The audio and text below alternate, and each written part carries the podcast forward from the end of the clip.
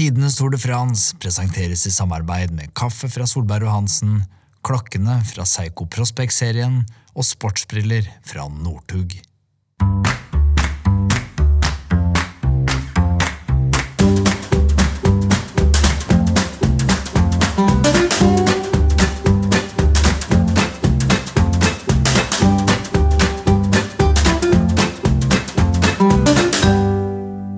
Velkommen skal du være til tidenes Tour de France. Jeg er Hanso, og med meg har jeg som alltid min faste opptrekker i deg, Jarle. Si hallo. Hei på deg. Hei på deg. Der er du. Det er, det er bra, altså. Nå hygger vi oss igjen. Opptrekker. Jeg føler jeg er mer GC-rider. jeg. Jeg, føler du du er GC Rider også? Ja, det er jeg som skal levere sammendraget. Ja, kanskje det er det. Kanskje det er det. Ja, jeg var jeg for noe vannbærer, jeg, da. Ja. Ja, pokker ja, ja, her får man høre det. Og hva, er- har vi i koppen i dag, Jarle? Vi nyter jo, det vi er glad i kaffe, det må vi bare si. Og Solberg og Hansen leverer jo i dag Hva er det de har? Det- Tade er i dag. Det er jo da økologisk espresso fra Etiopia. Er det, hva syns du? Altså, Kaffe er jo hellig i sykkelsporten. Er det noe syklister vet om, så er det god kaffe. Og Om de gjør. Solberg Hansen, top notch. Top fucking notch. Men for en respons det har vært av folk. Vi har bare hatt én episode ute. Den kom jo nå uh, sist tirsdag.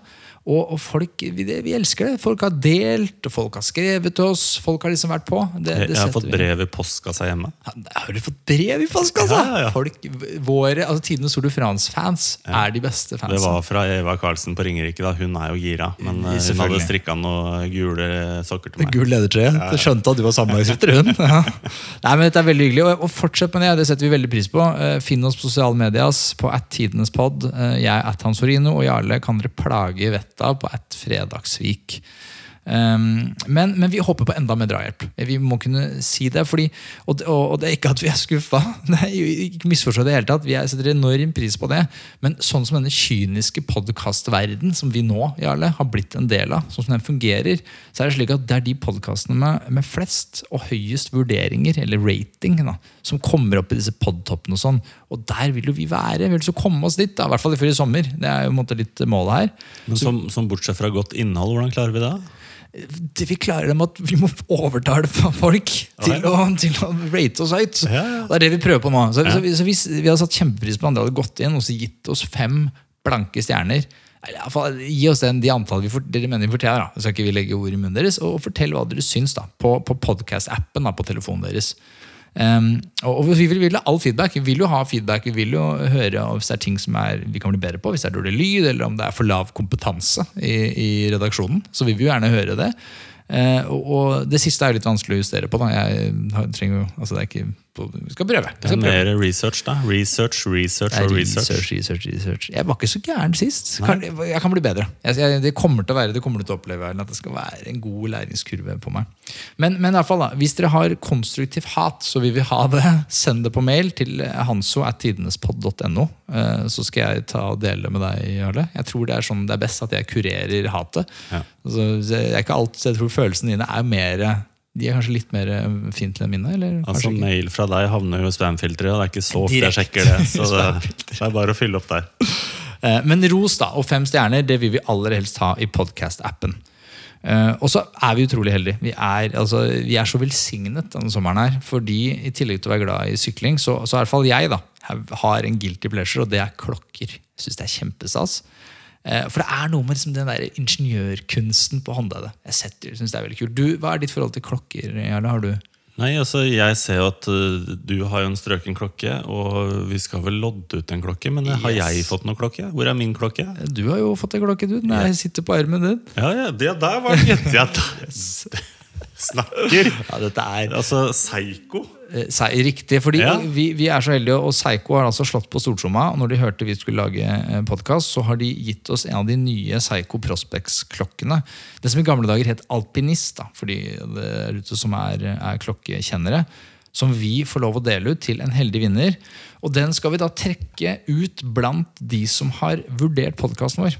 Eh, Så det vil si at Når du vurderer i mobilappen på, på, på telefonen din, så husk å legge inn e-postadresse, sånn at vi kan få tak i deg. Ja, her blir en liten korreksjon. Nå har Jarle dratt, men altså, vi, vi ble oppmerksomme her på nettopp at uh, det går jo ikke an å legge inn e-posten sin på Apple Podcast. Så, så, så det må man ikke gjøre. Man må vurdere på Apple Podcast eh, og skrive noe hyggelig til oss, da, istedenfor å bare gi fem stjerner. Det, det hadde vært eh, det råeste. Se hvor mye stiligere ut. ikke sant? Det er det som teller. Det er den kyniske podkastverdenen. Eh, men, men send oss, vi vil jo gjerne vi vil jo trekke en vinner, det må vi jo. Eh, Så send oss e-postadressen din på direkte melding på enten Facebook eller Instagram. Det er der du må sende. Så hver gang du hører oss referere til at du må registrere e-posten din i podkastappen, ikke gjør det. Send det til oss på direkte melding på Facebook, Facebook eller Instagram. Det er måten å gjøre. Var bare det, altså. Det er så, pinlig å måtte klippe inn sånn. Er, sånn er det blitt. Sånn er det blitt. Vi, vi lærer. Vi er ferske podkastører. Så det kommer seg. Kommer til å bli bra. Ok, tilbake til eh, podden. Ok, nok snikksnakk for denne gang. Det vi driver med, er jo å snakke Tour de France. Faderen, det er moro. I dag er også en bra dag. Altså, veldig gøy å møte Johan, men i dag skal vi møte en fyr som har sykla Tour de France. Det er kult. En norsk legende, En vil jeg si, i sykkelsporten. Absolutt. Eh, Vi skal snakke Tour de France 2008, og vi skal møte selveste Kurt Asle Arvesen. Asle eller Asle? Jeg det var... Jeg sier Asle, men vi er fra Romerike, Altså så Asle er greit. Da. Er det greit? Han blir ikke sur av det? Nei, nei, nei. nei. Hva kan jeg, hva, kan jeg forvente av Kurt? Liksom? Du, du kjenner jo han. Kurt er uh, interessert. Han kan spørre meg om åssen går det med ungene, hvor gamle er de? Selv om vi er i intervjusetting, da. Så han bryr seg litt om folk rundt seg. Det er sans for. Ja, I motsetning er- til folk? Eller bare sånn? Jeg, men ofte så har jeg sånn profesjonelt forhold. Så det er liksom ti spørsmål. Ok, greit, ha det. Ja. Det blir litt sånn. Eh, For de vet at jeg er journalist og ringer de for å spørre om ting eller mase om ting. eller grave om ting Men Hva med, med han så snakker jeg litt sånn rundt om andre ting også. Så det setter jeg pris på. da Hva så syns du om journalister? Er, journalister, er du plaga med det? Sånn, øh, journalisten liksom kommer. Nei, jeg, ikke så mye innenfor sykkelsporten. Jeg jobba med andre idretter før, og her er det liksom Du er velkommen. Hvis du kommer på løp, så er det kult, liksom. Og hvis du ringer, så er, det, så er det fint. Norske syklister er fantastiske. Ja. Så veldig mange er service-minded, men det er litt sånn kildejournalist- eh, eller utøverjournalistforhold vanligvis. da At det ikke er så mye smalltalk ved siden av. Og Der syns jeg Kurt er god. Og så er han en eh, liten skøyer, så han liker å fleipe litt. Det er gøy. Og, ja, ja, ja. Ja, det liker jeg, vet du. Og så er jo en fantastisk ressurs eh, i sin rolle som eh, sportslig leder for UnoX. Ja, fordi- Development Team. Så Vi skal jo møte han. Han har invitert oss til kontorene til eh, UnoX. Ja. Eh, det nye flaggskipet i norsk sykkelsport. Ja, det er moro. altså. Jeg synes det er Pro kjempegøy. Team, kanskje World Tour på sikt. Det er Oi, så. store, store saker. Hørte man det først her? Eller? Ja, det kan vi godt si. Ja, Så kult. Ok, jeg, jeg gleder meg. Er det du, du kjører, du? Ja, ja. Herlig. Da ses vi på UnoX. snakkes.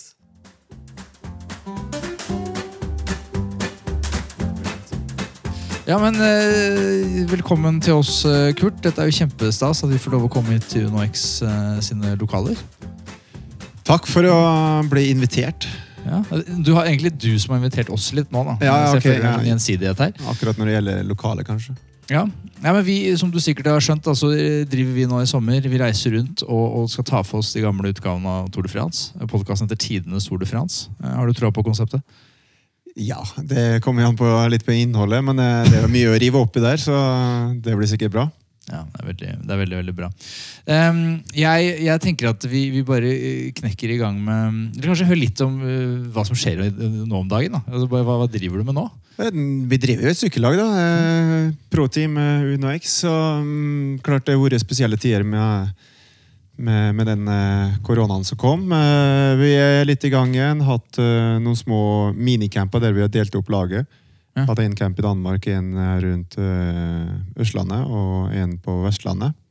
Så skal vi i gang igjen nå 15.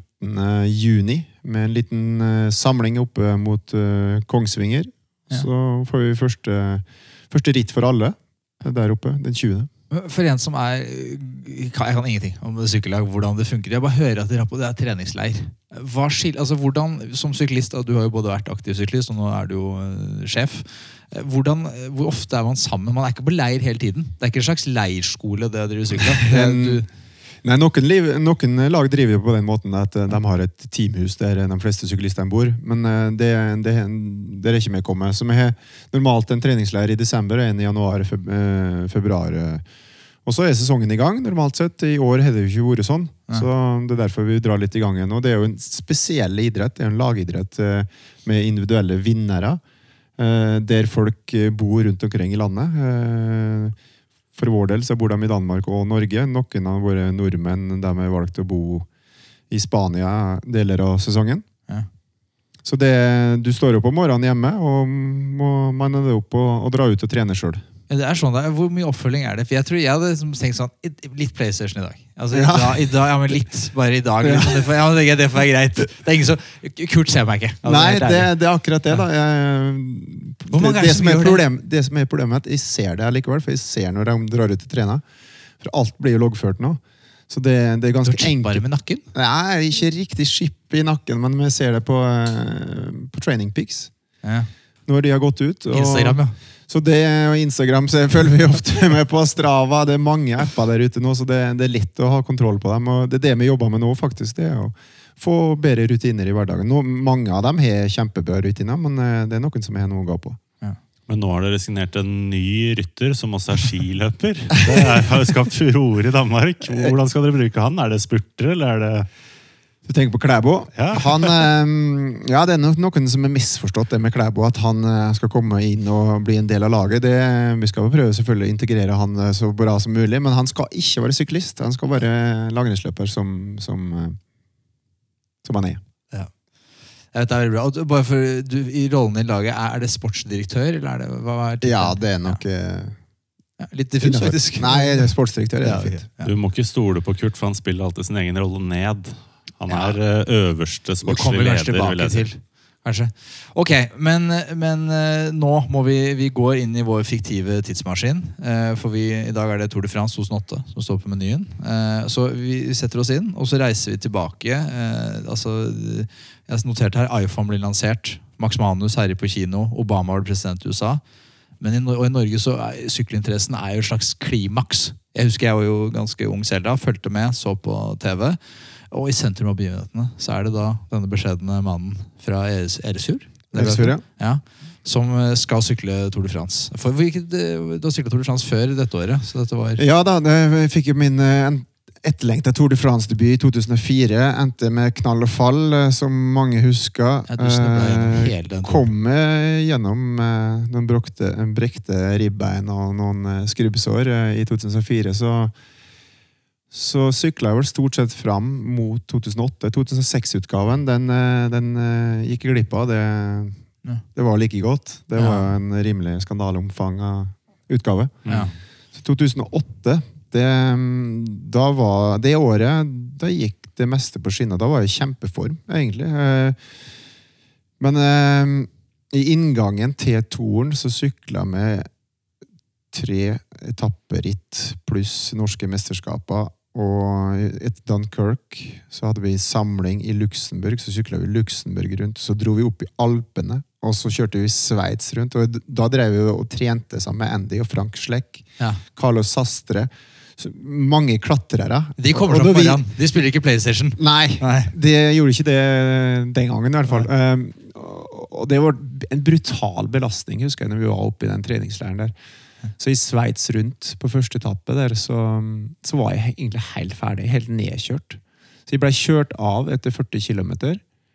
Det var kamp om å komme av gårde i, i et brudd, og feltet gikk eh, Det lå på en, på en linje, og jeg datt av som den eneste mann etter 40 km. Så tenkte jeg at ok, det var game over. Nå, nå, nå slutta jeg. Som syklist, liksom. Som syklist. Altså, jeg var så nedkjørt. så I en bakke der så tenkte jeg nå stoppa jeg, så kasta jeg den sykkelen over i gjerdet. Men på en eller annen grunn så fortsatte de over toppen og kom ned igjen, og da var det pissepause. da var hele feltet stoppa, så jeg kom meg opp igjen. Og... Og, du sykla tissetrengt gjennom, da, for du fikk jo ikke vært med på den. nei, det, den tok skisjansen på å stoppe der, for det hadde ikke krefter til. Og så løsna det sånn merkelig nok eh, gjennom, eh, gjennom Sveits rundt. Eh, Det var, det var en mindre belastning enn den treningsleiren jeg har vært på før. Så, um, så da kom vi hjem til Norge og sykla vi hjem i Bergen i et grisevær og, og vant. Så det, det er sånn det med NM.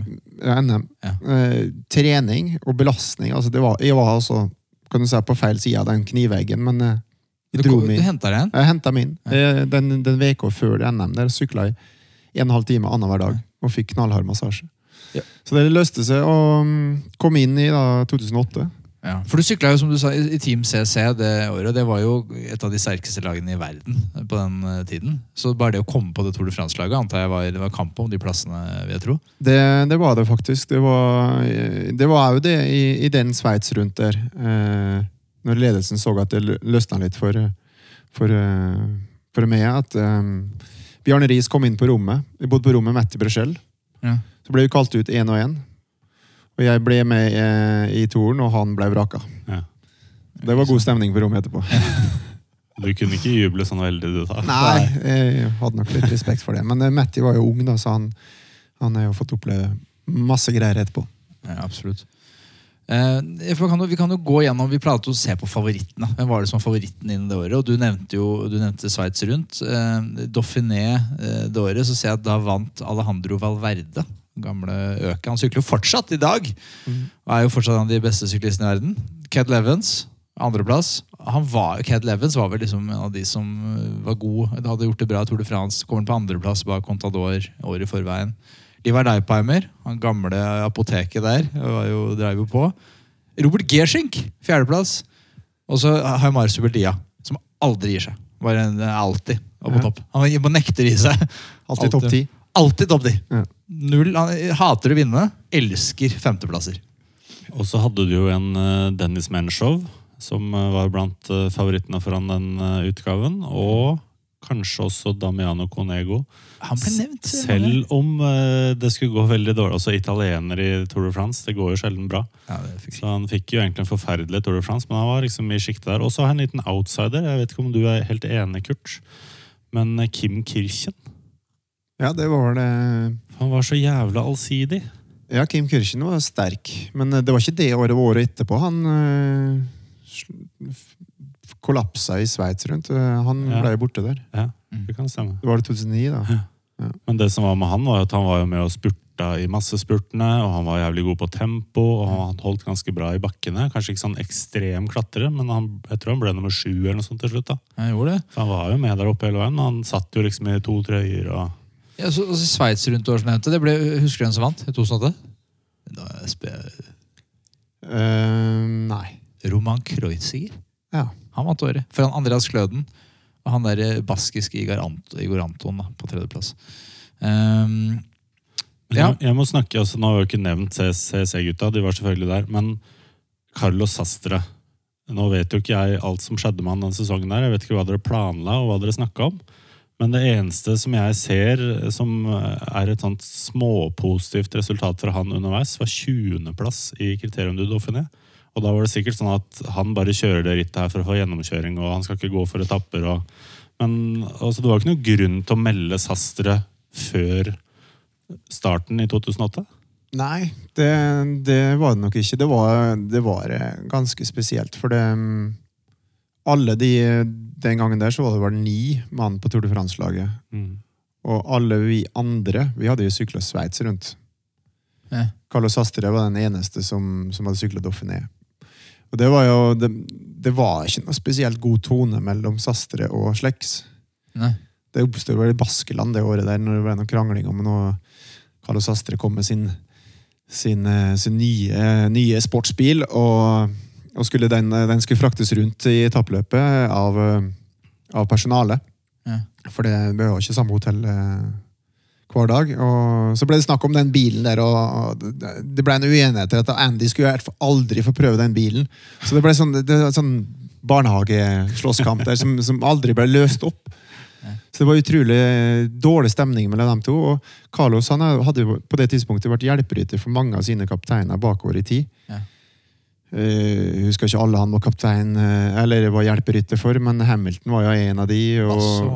Basso var, Basso var jo der, og så kom han jo fra det, det som var den gangen Morsdal-systemet, der han hadde vært hjelperytter. Så nå var det, nå var det hans tid for å skinne. Ja. Men så kom jo det der irriterende slekkgutta opp, Ja. og var så sterk.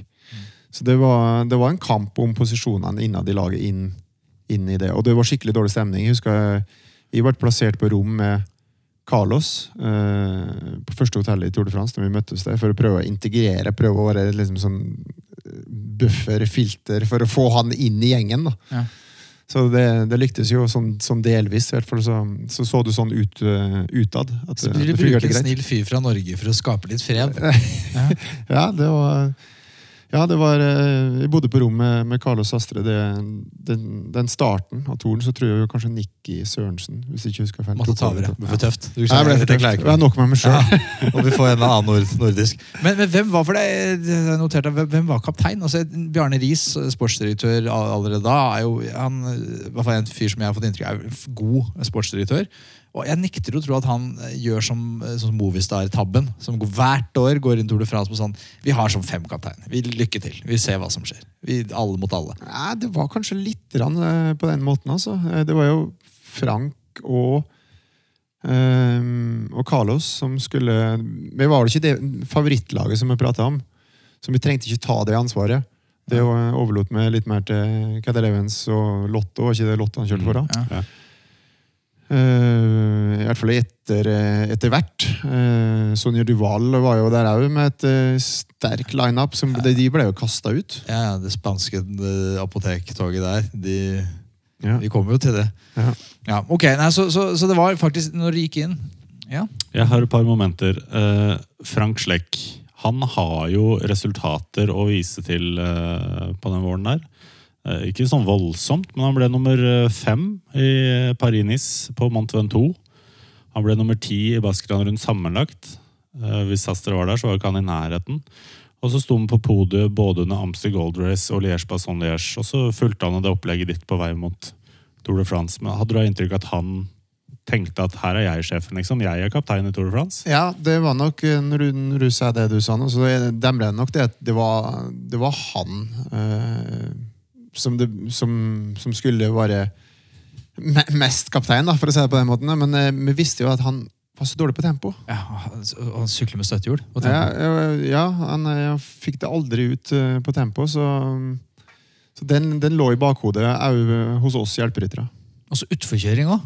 Da, han- det er jo, det er det, han bremser jo altså, Mamma er jo mer frampå på styret enn Frank Schleck når det går utfor. Han har hatt noen spektakulære velter. Jeg husker Sveits rundt en gang. Han flaksa over Ja. et et År, rekkverk. år i forveien, tror jeg. ja. Ja. Og skada seg ganske stygt.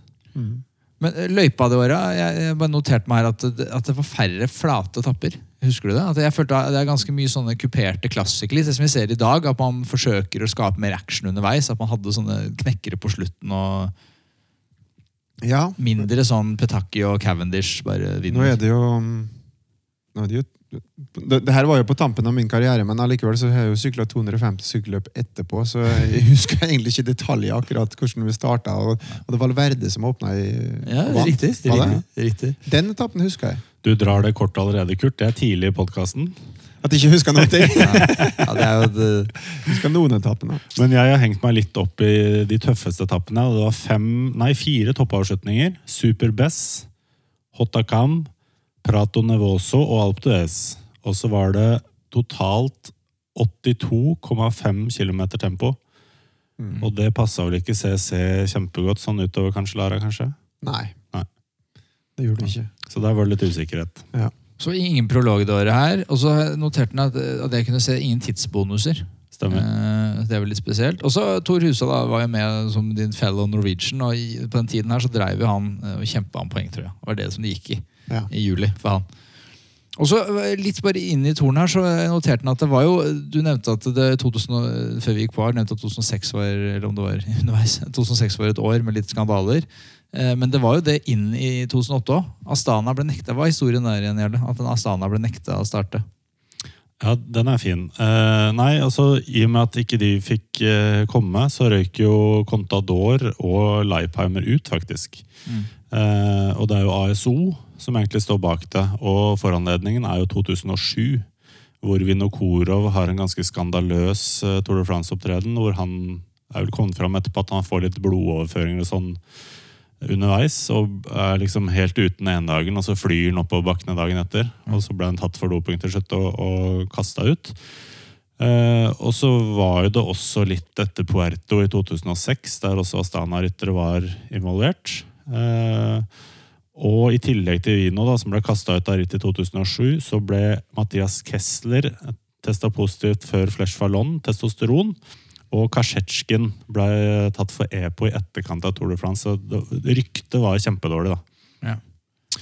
Og at Contador ikke fikk kjøre, han var jo da den eh, store stjernen, kom over eh, til Astana sammen med Brunel eh, fra Discovery Channel og vant jo både Giroen og Vueltaen det året, men fikk ikke kjøre Tour de France. Ja. Hva, hva var stemninga i feltet? Kobo? Contador. Ja, Contador, ja. Ja. Hva, hva, syns feltet om det at Astana var ute? Hva var sånn, det, fair enough. De, Ja, Var det det var nok liksom? sånn eh, Jeg husker det ikke før nå, altså at eh, de ikke var på start. Men eh, det var jo så mye rart som skjedde der. Ja. Og det var jo mye vi stussa på underveis også. Det første vi stussa på, var jo Sonja Duval. Ricot, Ja, ja, ja. den gjengen der. Mm. Og så stussa vi på Schumacher, som drev og slo, uh, Ka- slo Kanskje Lara på tempo. Han var i brudd annenhver dag. Så det, da, det husker jeg jo stussa over den gangen. Men eh, ja, så kommer det jo fram seinere. Sammen med Northug så gjør vi en konkurranse, en quiz. Vi kan ikke være dårligere enn andre, så vi må også ha quiz. Vi har tidenes Tour de France-quiz. Én gang hver uke eh, gjennom de syv ukene vi holder på. Så skal vi kåre en vinner, og vinneren vil da få et eh, par med råstilige sportsbriller fra Northug. Eh, De er helt rå. Altså, de bryter lyset på en, eh, på en bra måte. Altså. Jeg har ikke vært så, kanskje bevandret i gode sportsbriller før, men det er faktisk en helt, helt unik opplevelse. Så det, det skal de ha. Northug kan de greiene der. Briller er liksom blitt hans nye, nye grei. Eh, Men dagens spørsmål Spørsmålene kommer til å være relatert til de utgavene vi, vi har. da Og da må vi jo selvfølgelig ha et spørsmål i dag som er relatert til Tour de France 2008, og ikke minst Kurt Asle Arvesen. Eh, Og spørsmålet i dag Dagens spørsmål lyder som følger. Hvem var det Kurt Asle Arvesen slo med noen skarve meter da han vant etappe 11 i Tour de France i 2008? Altså, hvem var det Kurt Asle Arvesen slo i spurten da han vant sin eh, eneste etappe i Tour de France i 2008? Det var spørsmålet. Så send inn svaret på direkte melding på Facebook eller Instagram. Dere finner oss på attidenespod. Følg oss gjerne hvis dere er gira på det, og da kan dere stay up to date med hva det er vi driver med. Etappe nummer én den uh, gikk da fra Bre Jeg er så dårlig på disse byene. Bra Brest til Plum- Plummelek. Jeg sier bare Brest. Altså. Ja, du sier Brest. Det er så klassikeraktig mellomhard Du må, etappe. du må jo si der det går i mål. Ja. Ja. Målgang i Plumelec. Altså Milan San Remo. Hvordan, kan, hvordan, hvordan sier vi hvis du skal si det kort? Milan San Remo. MSR. Nei, da sier du San Remo. San Remo. Og Gent Wevelgem? Jeg pleier å si Gent, men Ja, du arresterer meg, og så må jeg si Vev- Det er målbind som skal få det.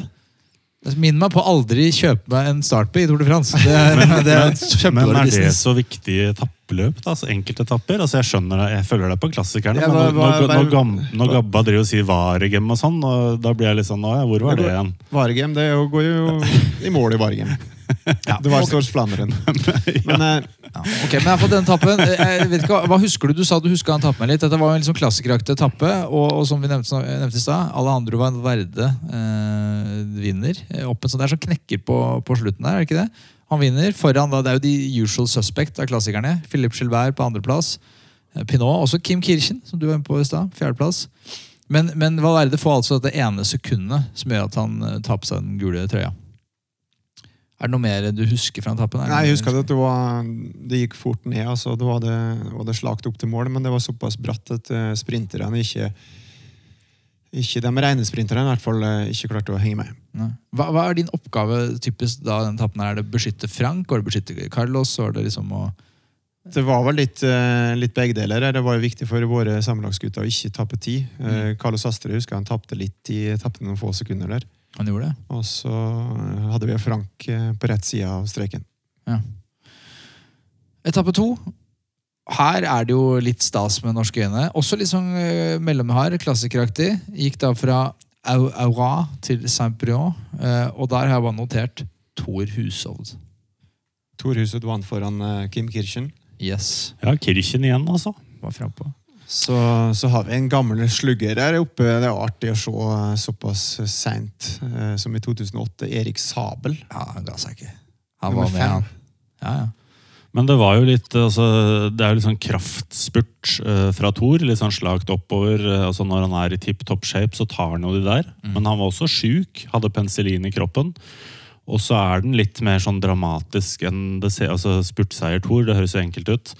Uh, men det var et brudd uh, som besto av Føkler, Chavanel, Moreau og Lelay, Lelay eh, som ble tatt igjen tre kilometer unna streken.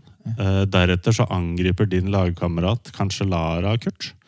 Og får eh, wheelsucker Pippo Posato på hjulet sitt, så det blir ikke noe av. Og eh, Thor har litt is i magen og sier vent, vent, vent til Renshaw, som åpner opp 450 meter igjen, og Thor fra front, bang, siste 200 meterne. Eh, Kirchen kommer faktisk veldig på slutten og holder på å ta Thor, men han klarer akkurat å holde unna. Så den, eh, den var ikke enkel der, men eh, deilig start på 2008-toren for Hushold. Ja. Hvordan er det, sånn dere er jo det var de to eneste nordmennene det året. Har dere noe, liksom, er det noe bånd? Er det sånn grattis, kompis, i dagen etterpå i feltet? Snakker dere norsk sammen, eller er det liksom sånn dere er på hvert deres lag og ulike oppgaver? og... Når det er tid og rom for det, hvis det bruddet er godt og det er flate, fine veier uten, uten sidevind, så, så, så satt vi ofte og pratet sammen. Jeg husker godt eh, Det var i Spania rundt i 2006. Da, da prata vi mye, for der var det mye lange, breie veier. Ute i, Hva prater dere om da? Er det sånn Nei, det er om alt mulig rart, ja. Ja. Om familie, om hvor du skal på ferie. Det er jo en klassiker. Og mot slutten av sesongen, hvor du skal på ferie etter sesongen. Det var, det var standard. Men det virker så rart, for jeg, jeg antar at øh, jeg ville jo bare, bare henge med i feltet, så hadde jeg jo pusta pesa. Men det, dere, måtte, dere, det går såpass øh, rolig for dere da, i den formen dere er i, at dere kan prate helt sånn som vi sitter nå? Ja, det, I perioder så kan du det. Det er litt, det er litt, verre, litt mer hektisk i, i Tour de France. så Det er såpass mye tilskuere at det, det er slitsomt å, å prate og høre. Ja. Eh, Fikk jo erfare det i 2009, året etterpå. Da trynte jeg og knekte kragebeinet i en sånn small talk. Så Ja. Kanskje det er det det- som er din feil. Ja. I 2004 var med første året, tenkte det var så gøy å snakke med folk. At du tryna deg gjennom hele Frankrike. Ja. ja, Nei, det, men det, det Jeg hadde tryna mye, det merker jeg med en gang. Jeg hadde ikke kunnet sykle de greiene der. Jeg hadde gått helt rakt av skogen. Det er liksom sånn, Til tider altså, kan du gå tom for ting å prate om, da, for du, har, du, får, du får så mye tid. Spesielt når, på det tidspunktet når vi bare er bare to nordmenn. Hvem er gøyest å prate med? Hva er det som folk synes er kulest å prate med i feltet? Som flest har lyst til å sykle ved siden av og prate med? Nei, det veit jeg egentlig ikke. Det, det var det ofte at de vil prate med de store stjernene. er det ikke sånn da? Ja, det er sånn. Ja, Lance Armstrong var populær i sin tid. ja han prata jo ikke så mye, men, eh, Nei. men jeg husker det at han sa navnet mitt en gang. Lance. Han sa navnet mitt. Det var et av de første Kurt. Ja, det var et eller annet jeg skulle flytte med, sikkert. Men i hvert fall så Hei! Han, han veit hva jeg heter!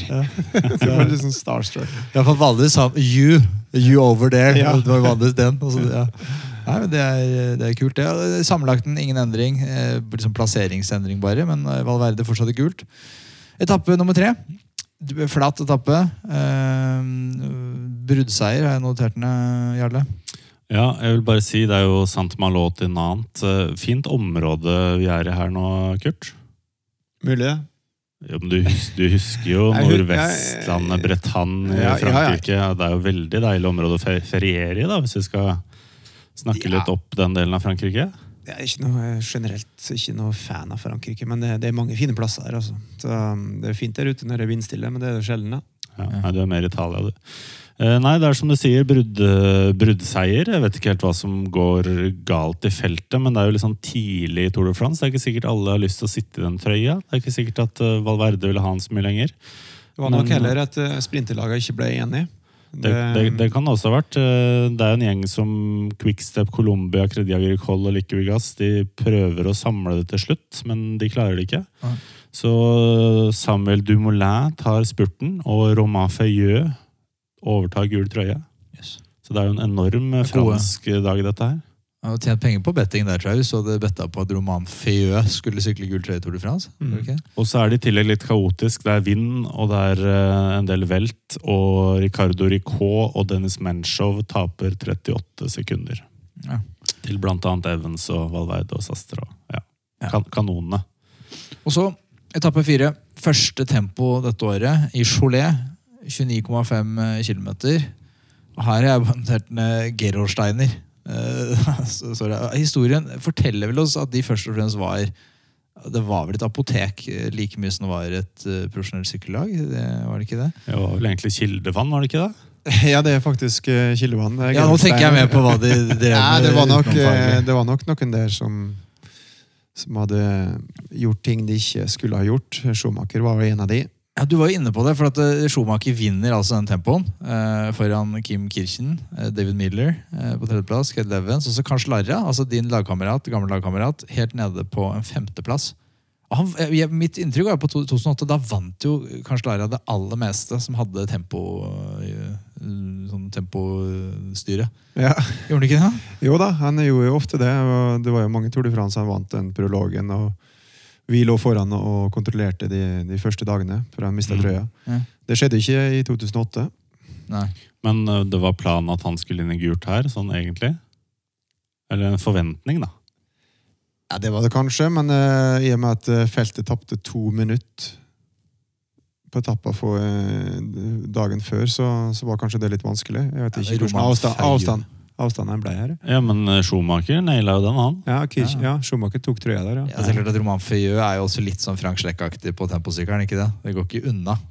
Men Nei. eh, si, siden du tok det opp, da, Kurt, så kan jeg røpe at Bris Brice Feuilleux i gul trøye uh, ble nummer 169 av 178 startere. Så han hadde ikke noe rå tempo i gul trøye. Så han fikk én gul ja, Det sies at det er- trøye gir vinger, men ikke til Roman Føyø. Det, Det er én gul tempodrakt som henger på veggen eh, hjemme hos han. ja. Vi kan, ja, men det er kan, ikke det er stas, det. Vi kan ta litt om tidene, da. Fordi uh, Kedal Evans uh, går liksom seirende ut av det her blant sammenlagtfavorittene. Uh, han tar uh, minuttet på Konego og Frank Schleck.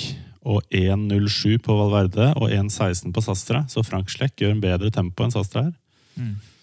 Og så tar han litt småsekunder på Menchow og, og van de Velde. Og det er 1.43 mellom Evans og Sastre etter denne etappen her. Og da er det kanskje ikke Sastre som var hetest i CC-hierarkiet heller. Nei, Cadel Elevens var jo normalt god på tempo, og i og med at det var, åt- var det 80 km med tempo det året, Ja. Ja. så det, det, det er jo ganske, ganske vilt at ja, Hvordan angrep, det angrep du en sånn tempotappe? Hva, hadde du beskjed om å spare krefter? Eller var det Ja, liksom, det var bare spare krefter. Ja. Bare sykle gjennom. Hvor, hvor mye sparer jeg bare tenker at Det er så beinhardt, det jeg, det er sånn begrensa mye sparing. Du, du tør jo ikke det heller. Altså, du er vel noen det var- der? Det var en forholdsvis kort tempo. 29,5 km. Og litt oppvarming, så var det jo en, en hviledag der for oss. Ja, det var det. Ja. Ja. Ok, etappe fem. Flat eh, sak. Cholet i Chateau Roy. dette er da den lengste etappen dette året. 232 km. Eh, og jeg har, jeg har ikke notert noe annet enn at her er det Mark Cavendish, da, som var ganske ung på den tida. Han, alt som var flatt, det pleide han å vinne. Hvis det kom samla til mål, så vant Mark Cavendish. Bare eh, sett penga på det. Først som sist. I den perioden der så var han helt rå. Han, eh, han trengte ikke, egentlig ikke ligge i posisjon heller. Om han lå topp ti på den streken der, så, så når han åpna, så var det bare en bullet uten like. Altså. Eh, Er det, er det den sjukeste sprinteren du har sett? Liksom, du har jo, jeg vet ikke om du husker sånn Cipollini og Petaki husker du vel, og de andre. McEwan var jo ganske, Ja. hadde ganske god kick. De var jo forskjellige alle sammen der. Eh, Altså, men eh, McEwan eh, på sitt beste kan du nok sammenligne litt med, med Cavendish. Mm. Petaki og Cipollini de var nok litt større typer som trengte mer hjelp. Trengte mer et opptrekk. Ja. de var bare store og sterke. og ikke, ikke, ikke den akselerasjonen. som- Bøllete. For Hvor mye har det å si? Mitt inntrykk er at det, altså, det ser man ikke så på TV, men når du hører så, du- altså, dere lytter beskrive det, så er det sånn Det, det er, det er slåssing. Altså, du, liksom, det, du må være gæren i huet, og, og du må slåss om plassen. og Det er minst like viktig som å være raskest. Det var i hvert fall det. Eh, ganske lenge inn i min karriere. Vet du. Da var det mye røffere. Mye mer albue enn det er det nå. Eh, nå slår dommeren ned på eh, Ned mye, mye, mye lenger før. Kan du, si, eller, eh, du får konsekvenser. Folk blir kasta ut av rittet hvis de gjør noe ulovlig. Så det er blitt mye ryddigere, sånn sett. Ja. Selv om Du- det flaksa ut noe nå. Du var jo spurter, du òg, tidlig i karrieren. Jeg var spurter helt til jeg lå i grusen i Namur i 2004, Tour de France. Ja. Oh, ja. Da var det ikke noe gøy lenger. Nei, da fikk jeg ikke lov. Da fikk jeg Hjemmefra? beskjed Nei, Eller fra laget? laget at jeg var i Tour de France for å, for å hjelpe laget, ikke for å kjøre re- resultater sjøl. Men hva het han som var så jævla lovende, som eh, spurta hjem U23-trofé i San Sebastian et år? Ja, det var jo Det var god spurter. Det var en nordmann. Ja. Ja, ok, Vi hopper videre vi, til etappe seks. Eh, den går da fra Aiguand til Superbess, som du nevnte. Det er første toppfinish. I hvert fall en real knekker. Eh, og her er det altså, som du nevnte i stad, en overraskelsesmann som ikke du hadde regna med, som bare knekker til og, og vinner. Eh, Ricardo Ricot slår Ja. faktisk Valverde opp den siste bakken. Ked Levens klarer å henge på. Og Frank Schleck igjen befester kanskje sin posisjon som eh, den naturlige kapteinen det året, eller? Ja, han gjorde nok det. Han tok et par sekunder på, på Carlos Astre. Og Og Endra dynamikken i laget? Var det sånn at det begynte å bli mer sånn man snakker ja, Bare så man skjønner hvordan det fungerer. Før hver etappe så har dere teammøter i bussen? Eller er det Ja. på hotellet? eller? i bussen. Ja, og Da legger man en plan, for hver ensappe har en plan og strategi, og alle har sin oppgave den dagen. Ja.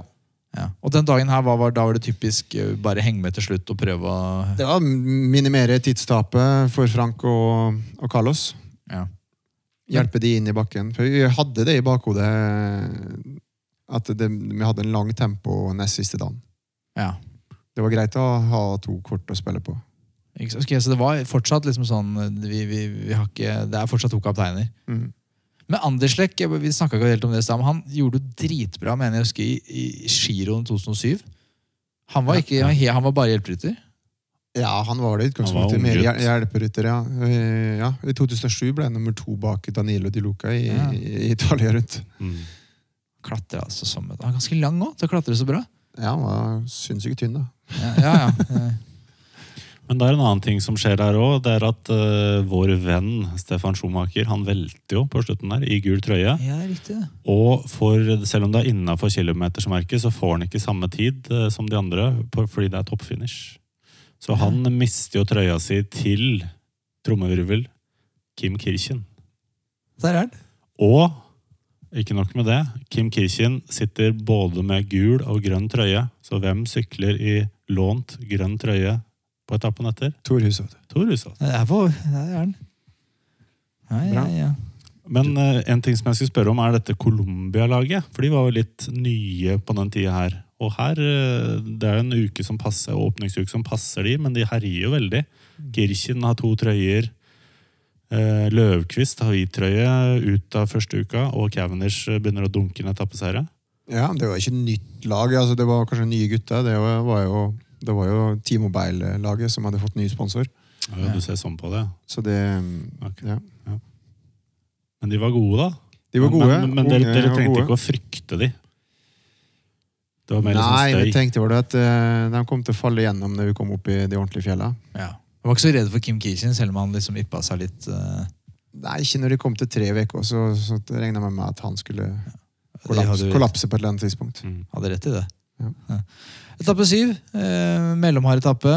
Brodet og Aurillac. Eh, og her skjer det jo litt nå på morgenen her. Så får vi den første positive dopingtesten dette året. Manuel Beltran blir, blir eh, altså, det, Han er ikke den gamle hjelperytteren til Armstrong og Ulrich. og Han eh, hjulpet folk. Ja, han. Ja, jeg tror det. Eh, hva, hvordan tok man den nyheten? At han ble tatt for EPO i feltet? Hva, hva, hvordan snakker man om det? Det gikk jo snart inflasjon i de der nyhetene at folk ble tatt, så jeg husker egentlig ikke noe spesielt fra den morgenen der. så var det ikke den største profilen. Manuel. Beltran er sånn, Det er ikke sånn at Tour de France-feltet liksom gråter. Et Sponsorene sitter ikke og sutrer at han ble borte. Men det var nok sikkert noen som ble, fikk litt skjelven i buksa når folk Ja, ja. ikke blir tatt. Satt vel et helt Gerolsteiner-lag der som jeg tror skjelver i de sykkelshortsene ganske greit når det begynner å Fant hestene funker i år, ja. Ok. Ja. Pokker. Det hadde ikke vi tenkt. Så skal de, skal de funke? Ja. Eh, re- resultatet her er eh, Jeg kan ta litt, jeg. tar her tror jeg du har mye mer å Altså, Vi er på vei sørover mot Pyreneene, innom Massif Sentral. Eh, det blåser. Det er eh, litt sånn småbratt og kaotisk og hektisk. Riktig. Konego går ned i en velt etter seks mil, og eh, feltet deler seg i tre. CC sitter med alle de ønsker i første gruppe og begynner å, kjøre sammen med eh, nå holdt jeg på å si Garmin. Hva het de på den tida? Altså laget til van de Velde. Det var kanskje Garmin? Garmin Chipotle. Ja. Ja. Eh, Begynner å kjøre og lage kaos i sidevinden. Husker du noe av det, eller? Nei. Nei, men det er vel også litt det der eh, Nei, men også Det er jo i gang med å liksom mørne konkurrentene mest mulig. Og Kone går bak, ok, da er det fullt trøkk foran. og så Han kommer opp igjen, men han skal faen meg jobbe for det. Og også Kester Parn eh, og Valverde satt veldig bra i det i den perioden der. Eh, og så samler det seg til slutt, da. Men så er det en, eh, en eh, bakke, bakke, sier jeg. Cote de Saint-Jean de Dom, um, som dukker opp 7-8 km før målstreken. David de la Fuente angriper og tok klatretrøya. Og så er det en, eh, mange av disse Arde- Ardenne-gutta, kaller jeg de, Valverde og, og de der, de, de eh, sitter med over den toppen og kommer seg løs i utforkjøringa. Og så støter eh, Luis Leon Sanchez Eller er det Samuel Sanchez? Samuel Sanchez. Nei, Luis Nei, Leon Luis Sanchez. Leon. Luis Leon Sanchez Ja. støter seg vekk derfra og tar etappeseieren. Kirchen ble nummer fem og beholdt trøya. Mm. Schumacher også vinner vel spurten i den, det som blir et slags hovedfelt bak der. Å ja, han er jo rå, da. Ja, han Ja. er Ikke dum, han. Og Hushovd tar eh, spurten i feltet, men det er ikke mer enn en 20.-plass. Hvorfor gidder man å spurte om en 20.-plass? Jeg har aldri skjønt. Det var vel kanskje poeng Var det poeng for Ja, 20.? Ja, ja. Freire tok mer poeng på innlagte spurter og overtok grønn trøye. Ja. Så det er kamp. Det er Freire og Hushovd i poengkamp. Etappe åtte. Ganske lett etappe fra Fija til Toulouse. Um, det skjer, er jo litt action her òg på slutten, uh, Jarle. Her var det regn, var det ikke? Eh, det vet ikke Jo, jeg. det tror jeg det var. Ja. Du husker det, det er noen uh, Ja, det, noen- Der husker du. Akkurat den finalen der husker jeg faktisk. Ok. Det var utrolig ufyselig. Og Colombia de tok, eh, tok ordentlig ansvar der. Nei, altså Det eneste jeg noterte, er at eh, Hushovd begynner å bli irritert på Cavendish. Fordi Hushovd skal til å åpne spurten, og Cavendish bare ser et rom foran Hushovd og bare skjærer fram og ut. Ja. Og bare går fra tet og bare bam! Ny etappeseier. Ja, og så- kommer ganske langt bak her. Så der begynner slitasjen i, i forholdet deres, og Freire blir nummer fire. Ja. Men eh, hadde du noe mer drama? Nei, det var, var vel det jeg tenkte på. At uh, Ok. Tor Hushovd ble hindra her. Men Ja. uh, og grønne trøya, så er det da Oskar Freire som leder. Uh, delt uh, lederskap med Kim Kirchen. Så her er det han tar vel over trøya da og for ordentlig. Det er ikke bare på lån. Og Husodd ligger på tredjeplass. Så er det stadig Kim Kirchen i, i sammenlagt ledelse. Og så, nå, etappe ni. Da er det fjell. først. liksom, ordentlig fjelletappe det året her. Eh, og, det er første etappe med førstekategoristigninger. Eh, og her er notert at her er det på slutten så, så er det Ricot som angriper på sted. Stikker fra alle. Uh, og så uh, Men, men er, fordi at, hvorfor lot man Ricot gå? Er det fordi han, han sykler tempo med vindfanger? Så da, da er det på en måte man er ikke så urolig for at han stikker? Nei, det var nok fordi at han var sinnssykt sterk. Han, han klarte ikke å følge, liksom? Nei, jeg tror ikke de lot han bare gå der. Han fikk vel et godt, godt minutt han inn, i- inn i mål. Ja. Eh, Så, Han, han sa jo også sjøl at han var ikke der for GC. Han skulle Ja. prøve å ta etappeseiere. Og nå tok han jo den andre, og vi har kommet til etappe ni. ja. så- og Vi visste jo det at han var dårlig på tempo. Ja. Men um, klart, hvis du gir nok minutt til en klatrer, og de får fullføre og ikke blir kasta ut, så er det jo skummelt. Ja. Oscar Pereiro Sio. Ja. Eh, Samme problemet der. Det, Ja, Det var jo litt spesielt. da. Han fikk jo gå et indianerbrudd eh, sammen med Jens Vogt og et par mann der. ja. Så ja, det skjedde jo mye rart. mye rart i, etterkant. Ja, ja, absolutt, men allikevel, det, Ja. det, det, det, var, det straffer seg å la en som er god nok til å klatre, få, få tid. Eh, Mm. Ja. Altså, Han, han ble jo litt sammenligna med Pantani faktisk etter denne etappen her. Han angrep uh, Ricot. Angrep tre mil fra mål og liksom solo inn. og Det, det var store saker. og det elsker man jo. Altså, den der, den, for at han syk, altså, det, det man ser i dag, når man sykler på sånn watt-meter, liksom, det er jo kjedelig med sånn Pantani som han ja, flatt faen, da! Han bare sykla på dagsfølelsen, liksom, og, og full av amfetamin og moro. Og kjører på. Det er jo, det er jo, det er jo russefesten ikke sant, oppover fjellsida der. Uh, og, det, og det var rekord, samme greia, ikke sant, samme skolen. Så det kan jo være at uh, Jeg sa det jo sist også, at det var jo noe moro når man drakk eh, mer enn Gatorade mellom etappene. Det ble jo mer action. Ja, det, det kan du se. Men hva tenkte man om Ricot? Altså, du, du, du sa at det var bare en ung fyr som du så på. Han var jo et vanvittig talent. Altså, det, I hvert fall inntil du så at han hadde fått litt hjelp. Men han, Ja. Det var jo det. Han var jo eh, et eksepsjonelt eh, klatretalent før ryktene begynte å gå. Da, Ja. da Ja. Så, mm, Ja, ja. så han var vel ikke den, eh, den vi frykta helt inntil, inntil Champs-Élysées. Og så var jo Cad Leven så på defensiven. Velta rett etter passering langesonen. Fikk en uh, handlepose inn i hjulet. Skulle ikke være en musett, så vidt jeg har skjønt. Mm. Uh, stupte over styret, blei hjulpet opp igjen. Uh, kom seg over Pere Sord, men klarte ikke å holde kontroll på De La Fuente og Ricot. Og var pottesur og forsvant rett inn på bussen. Snakka ikke med noen. Dette var ikke bra. Drama i, i lottoleiren. Uh, og så prøvde Løvquist i uh, hvit trøye å jobbe litt for Kirchen underveis, og tapte da ungdomstrøya til Andy Schleck. ja. Det ville jo skje før eller siden uansett. Burde han svensken skjønt. Kanskje han gjorde det, faktisk. Men nå begynner jo Colombia å bli litt sånn rista her. Nå er, Ja. nå er de snart ferdig i toppen. Ja, det er riktig, men hvis du ser på grønne trøya, det nå ser vi hvor man ligger an, så er det Kim Kirchen leder altså 123 poeng foran Oskar Freire og Tor Hushov på tredje. Og det sier litt om etappeprofilen, da, som jeg ville si i sted, Det, altså, det er sjelden at du er så langt ut, og du er ni etapper inn, og så er det Kim Kirchen som leder. Altså, Oskar Freire var jo god til å spurte, men han var jo litt mer sånn klassikertype ja. enn en sånn pur sprinter. Men han driter vel litt i den grønne trøya, Kirchen, er han ikke det, Kurt? Jeg tror ikke det var det som var målet hans. Det var jo en del poeng eh, på noen flatere etapper senere, så han hadde jo nok ikke tenkt at han skulle klare å kjempe om den. Eh, Selv om han altså du tar, Hvis du tar dem i, i båser, så var, så var jo en rein eh, altså Hvis du tar en ren sprinter, og så har du en type rytter som Oskar Freire var, som takla litt mer stigninger og mer, mer allrounder, så var kan du si, en, Kim Kirchen enda mer til, til høyre. da. Ja. Han var enda mer i, i, i bakkene. Så han hadde nok ikke håp til å ta den. Men, men hvor høyt altså, For oss nordmenn så er grønne tre stas. Det er det eneste vi har klart å være i nærheten av å få til. Og, og fått til med Torusson. Så vi, Det snakkes jo masse om grønn trøye i Norge. Det er så stas. Men i- ellers i verden, hvor, hvor høyt henger den grønne trøya? Er det stas å vinne, eller er det sånn ja, noen, noen fikk den? Ja, det er jo, det er jo stas. Det er jo, det er jo viktig. Det, du får jo masse oppmerksomhet uh, Mm. som rytter, men er jo, du gir oppmerksomhet til, til eieren eller sponsoren. Ja. Så det er viktig, viktig trøye. Så det er, det er lag som går inn utelukket fra det. Og så er det jo en del eh, altså en, en viss type ryttere som ikke har sjans på den gule, som, som syns det er stas å, å kjempe om den, eh, den grønne. Og det ser du i alle sykkelløp, også her i Norge også.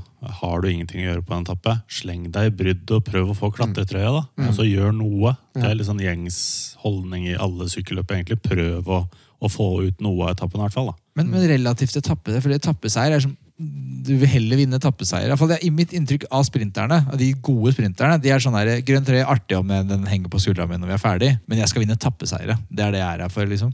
Ja, du, jeg, tror du, du er litt inne på noe. Ja. Men det er klart, ender du opp med den og ha den eh, som Tor Hushovd har gjort, så, så er det stort. Ja, og han har vunnet to ganger òg. Det er jo, han har jo, noen etappeseiere òg, han da, så han kan jo skryte av det. Men etappe ti, fjell. Pau til Hautakam. Første etappe med HC-kategori. Pluss toppfinish. Og i tillegg er de over Tourmalet! Her snakker vi. Jeg tror vi må si på. Vær klar over det. Ikke Pau. Nei, Vi snakka jo På, om ja. på forrige gang, så det, vi, må, vi må ha på. Nei, også Her begynner jo dette lagmaskineriet til CC. Eh, CC sitter foran, tar ansvar i feltet, setter tempo over Tourmalet. Klarer å kjøre av eh, Valverde, Conego, De La Fuente i klatretrøya. Eh, Og på vei inn mot Ottakam så er det kanskje Lara og Jens Vogt som trekker feltet på, på slettene. Det er jo litt sånn luksushjelpere der òg, syns jeg. Ja da. Det er mye kjørestyrke i det laget der. Hadde nok uten at de huska altså, Vi ble vi nok litt programforplikta til å ta ansvar på den etappen der. Vi hadde jo selvfølgelig trua på Carlos og Frank Schleck, eh, men det var jo på Hottakam eh, Bjarne Riis tok en av sine ikoniske seire i sin karriere. Ok. Så det, det er nok et fjell som, som, som det ble gjort oppmerksom på på møtet, uten at de sjøl huska det. Ja. Men der ble vi overkjørt til slutt.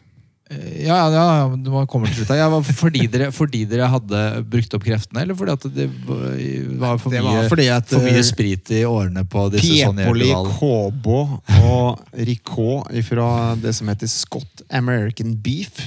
Ja. Eller sånn gjør de Val. Sånn gjør du valg, var det De det? het Ja. begge deler. Sonny Ja. Duval, Scott American Beef. De hadde tatt noe ordentlig beef. Før den tappen, ja. Og de var klar, Ja. kan du si. Men uh, Kirchen uh, er på defensiven her. Uh, Slekk, eh, Frank altså, angriper. Og så kommer de gutta du snakker om, og det er litt trist å lese det. Piepoli, Bernhard Kohl, Kobo, Efimkin. Og så prøver eh, Evans og Ricot med et angrep. Eh, og så er Frank Slekk ferdig til slutt. Og Kobo og Piepoli eh, kommer sammen til mål. Og. Piepoli får lov å ta etappeseieren. Absolutt, han er gammel. Han, var, Og- han, har vært, han har sett ut som han er 60 år i, siden han starta å sykle. Han er, ser så gammel ut. Men det er viktig her. At the end of the day er Frank Slekk ett sekund unna gul trøye. Men den går i stedet til mannen som falt dagen i forveien, Ja, Kettle Evans. Ikke Der sant? også kunne jo ha endra mye, eller kanskje. vet ikke. Eller han fikk jo gult seinere, da. Kanskje. Mm. Det, det endra jo alt for uh, vårt lag Ja. og mine personlige muligheter uh, i dagene som, som kom. Ja. Fortell. Ja, så hadde, hadde vi leda med Frank Slekk med ett Ja, sekund over Cad Elevens. Så hadde jo jeg og Jens Vogt og kanskje Lara ligget foran og, og forsvart den, tror Ja. Det er godt ikke det skjedde. Ja, det, Det var flaks. Det var flaks. Eller, eller eh, i hvert fall er det Ja, det ikke var- flaks at man eh, Tilfeldigheter. tapper, Men det er tilfeldigheter som gjør at man får muligheter. Eh, Men, men for en sånn tappe som det der, hva, hva er strategien? Hva er din rolle liksom, når det er over Det også, hvilken av disse fjellene er verst? Tourmalet er jo et forferdelig fjell, er det ikke det? Å bestige. Ja, Tormolé var verre enn Hotakam. Ja. Eh, Det var nok der eh, jeg plugga inn. Jeg kom ikke over eh, med, med første gruppa der. Og da hopper du inn i den såkalte gruppettoen. Ja. Der, Det høres så trivelig ut. Jeg har lyst til å bare henge i gruppetto en gang. Stort sett så er det trivelig i gruppettoen når Ja. du har god tid og, for, i forhold til tidsgrensa, Ja. og du har krefter, så er det hyggelig. Men jeg har jo sittet i gruppettoen på stålet, tom, Bare for å henge med, liksom. Og, eh, vi har det travelt fordi vi må rekke tidsgrensa. Ja. Da er det ikke så hyggelig. Nei, det kan jeg se for. Hvem er det som måte, tar ansvaret? Jeg antar det er lagene med sprinterne som måte, sørger for at uh, man kommer seg inn på tidslimiten? Ja, alle, alle, mm, alle team har jo to følgebiler i, i Tour de France, eller i etappeløp generelt. Uh, Så, så er det bil nummer to som følger gruppettoen. Ja. Uh, Så lenge de har ryttere i gruppettoen. Det var ikke alle lagene som hadde det heller. Så, så Dual hadde sikkert ikke det. Nei, nei. Så, så det er da sportsdirektørene i de, de bilene der er det dem som har, holder, eh, holder styr på klokka. Ja. Og da spiser man og koser seg. Da, ja, da må du, det er viktig å spise og, og prøve å kose seg, i hvert fall, for det, det kommer jo en dag etterpå. Ja, akkurat her i det året her så var jo dagen etterpå en uh, hviledag. Jeg må stoppe deg litt der. Ja. Hva slags forhold har du til Kedal Evans? Altså som persontype. Det var det eh, ikke noe forhold. Ikke eksisterende. Nei, ikke noe. Veldig snodig fyr. Det finnes et eh, ganske legendarisk TV-klipp som er tatt opp på Otakam. Da er jo han i gul trøye da, og skal jo være smørblid. Og, Da han klikka. yes, og skal jo stille for reporterne og snakke med Dag Otto Lauritzen. eh, Og forteller at jeg er veldig glad for å stå i den gule trøya jeg velta i går, og, men nå er alt bra. Og, og så er det en annen reporter da, som tar han litt sånn på skulderen idet han går. Ja, det er riktig, det, det husker jeg. Og da snur han seg, og så sier han Don't touch me! Ja, Og så klinker han til, altså så hardt han kan, mot han journalisten som våga ta ham på skulderen. Og han er en av de få jeg har sett i Tour de France. altså Lance gjorde det samme etter hvert, men som går rundt med sånne bodyguards. Som bare løper og trykker bort alt som møter deg på veien liksom tilbake til bussen. eller Og så virker ekstremt paranoid. Samtidig virker han som en hyggelig fyr, også når presset ikke ligger over skuldra hans. da. Så han føler seg sikkert rimelig pressa av CC-troikaen, vil jeg tro. da. ja han, eh, han er en spesiell fyr. Han var, var det, jeg er helt eh, enig i den beskrivelsen. Og han var stressa. Sinnssykt stressa. Så etter hvert, litt seinere i Tour de France, Ja. så brukte vi jo det mot den. Før, eh, på en etappe der, der han, han kunne jo ta tilbake den gule trøya på den siste, Tempo, siste tempoen der. Ja.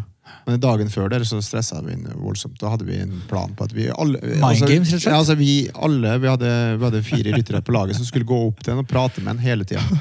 Og han blei så stressa at uh, Han eh, ja. Det er klart at Klarte- da blir klarte ikke, det blir ikke julekort øh, på deg da, når du er på Nei, det var, plager. Nei, det var, vi var, var plagsomme der, ja. Ja. Men noen ryttere skulle jo fått eh, bøter for kjørestil. Altså Det ser jo ikke ut når han sitter på en sykkel. Det er utrolig at det går såpass fort. ja. Forferdelig. Hvor er stilen? Ja, det er jo ikke stilkarakterer i sykkel, da, så Det burde det vært. Men, men, men når vi er inne på det, jeg, jeg, jeg jeg ser han øh, Det er så, for, det er så forferdelig å se han der øh, Even sykle. For det, Ja. det ser ut som han begynner å slite. Idet man går inn i bakken, så sitter han på stålet. Og så sitter han på stålet med favorittene hele veien opp. I motsetning til sånn Contadore Pantani som lekte og dansa. Det var så elegant å se på. Evans sliter fra han, han ser ut som han hater livet sitt fra han starter i prologen. Og, og så fort det er vel, sitter han og sliter sånn skeivt over det styret. Og gnisser tenner. Forferdelig dårlig stil. Jeg veit ikke med deg, Jarle, men jeg liker å se bra ut, liksom. Hvis jeg kan. Og vi har jo det grunnutseendet vi er utstyrt med, men, men da hjelper det å, å snurre seg, rett og slett, i jåleri. Og det jeg er glad i klokker. Glad i klokker. Og vi eh, har en konkurranse gående sammen med Seigo, hvor vi gir en heldig vinner, en, en, eh, som kan være med å vinne da, en Psycho Prospex Alpinist Limited Edition-klokke. Helt flunkende ny. Eh, og hva må man gjøre for å vinne den? Jo, du må bare gå inn i podcast-appen på mobilen din. Gi oss en vurdering. Si hva du syns. eh, og that's it. Det er alt du må gjøre. Og så husk å legge inn e-postadressen din, så man kan finne deg. Vi kan få adressen, vi kan få sendt deg dette. Og så trekker vi en vilkårlig vinner, som da vinner en, en Psycho eh, Prospex Alpinist-klokke til en verdi av nesten 9000 kroner. Ganske sykt. Den er ganske strøken, den klokka, så jeg hadde bare vurdert med en gang. Få det vurdert. Få det vurdert. Få det på.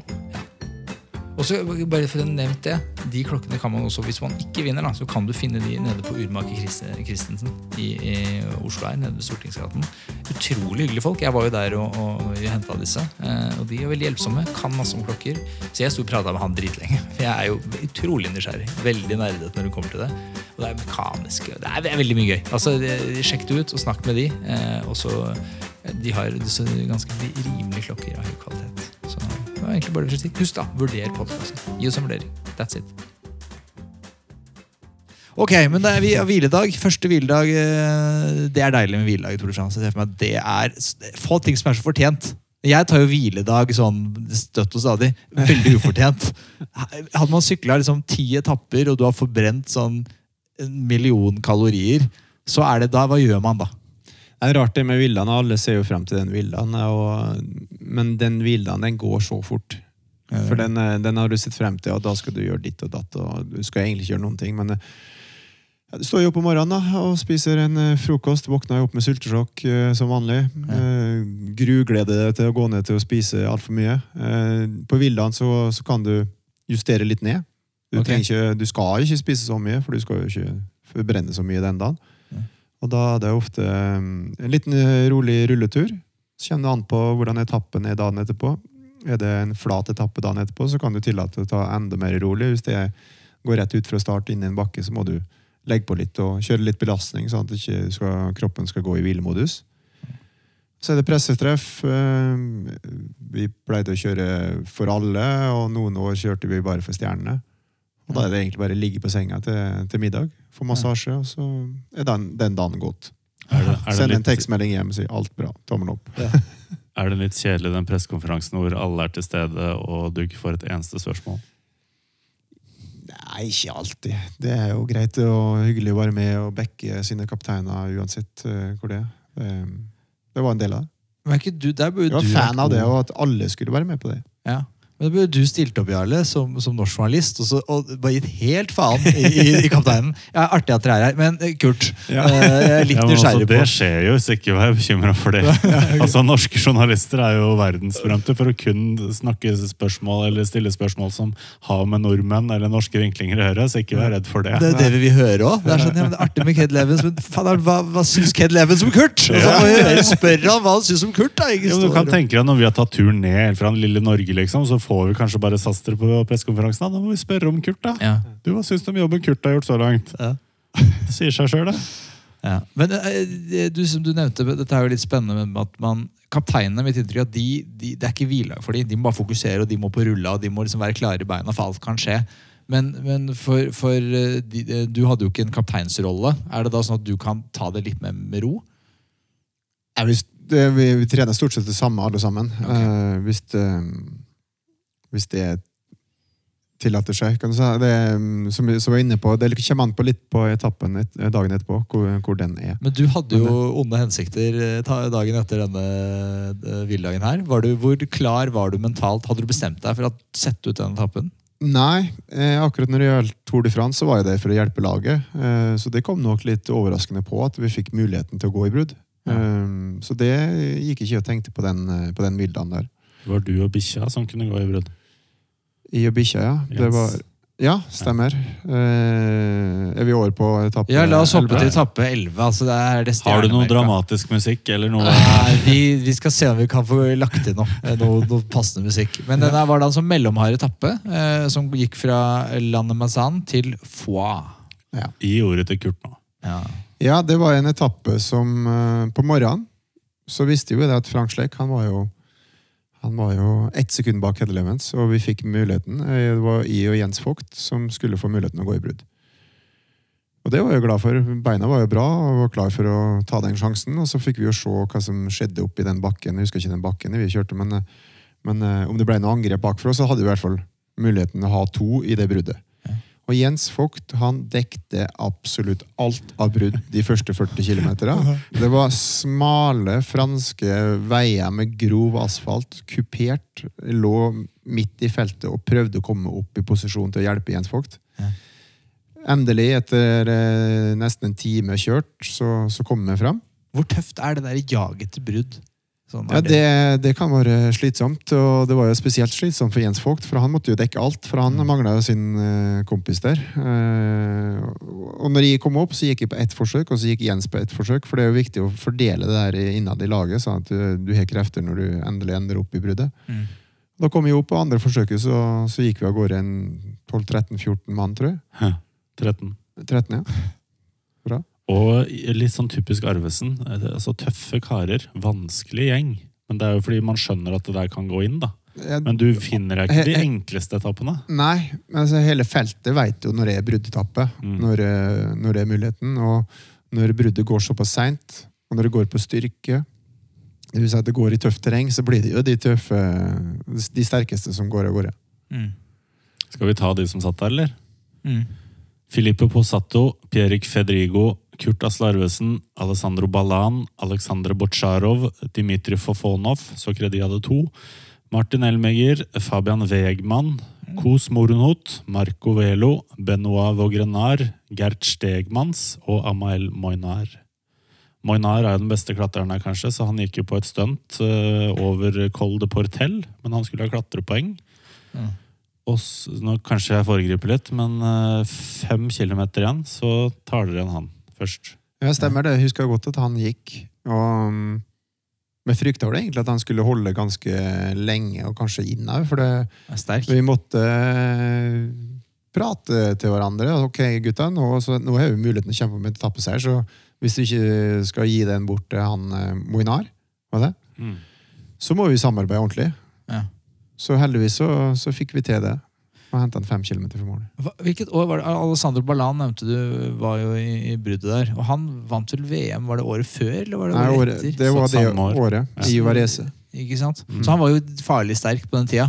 Og han Mm. hadde jo litt sånn kick. Og øh, jeg husker øh, da jeg så på dette, at jeg tenkte at øh, faderen, Ballan, Mm. han, han, han blir vond. Han blir vond å hanskes Men skal vi spole litt tilbake? Ja. Eh, For eh, det er jo Martin Elmiger som angriper, Mm. og du følger han. Ja, det er Og korrekt. så er jo dere egentlig det, Dere går, tar igjen Moinar og er egentlig i teten, dere to.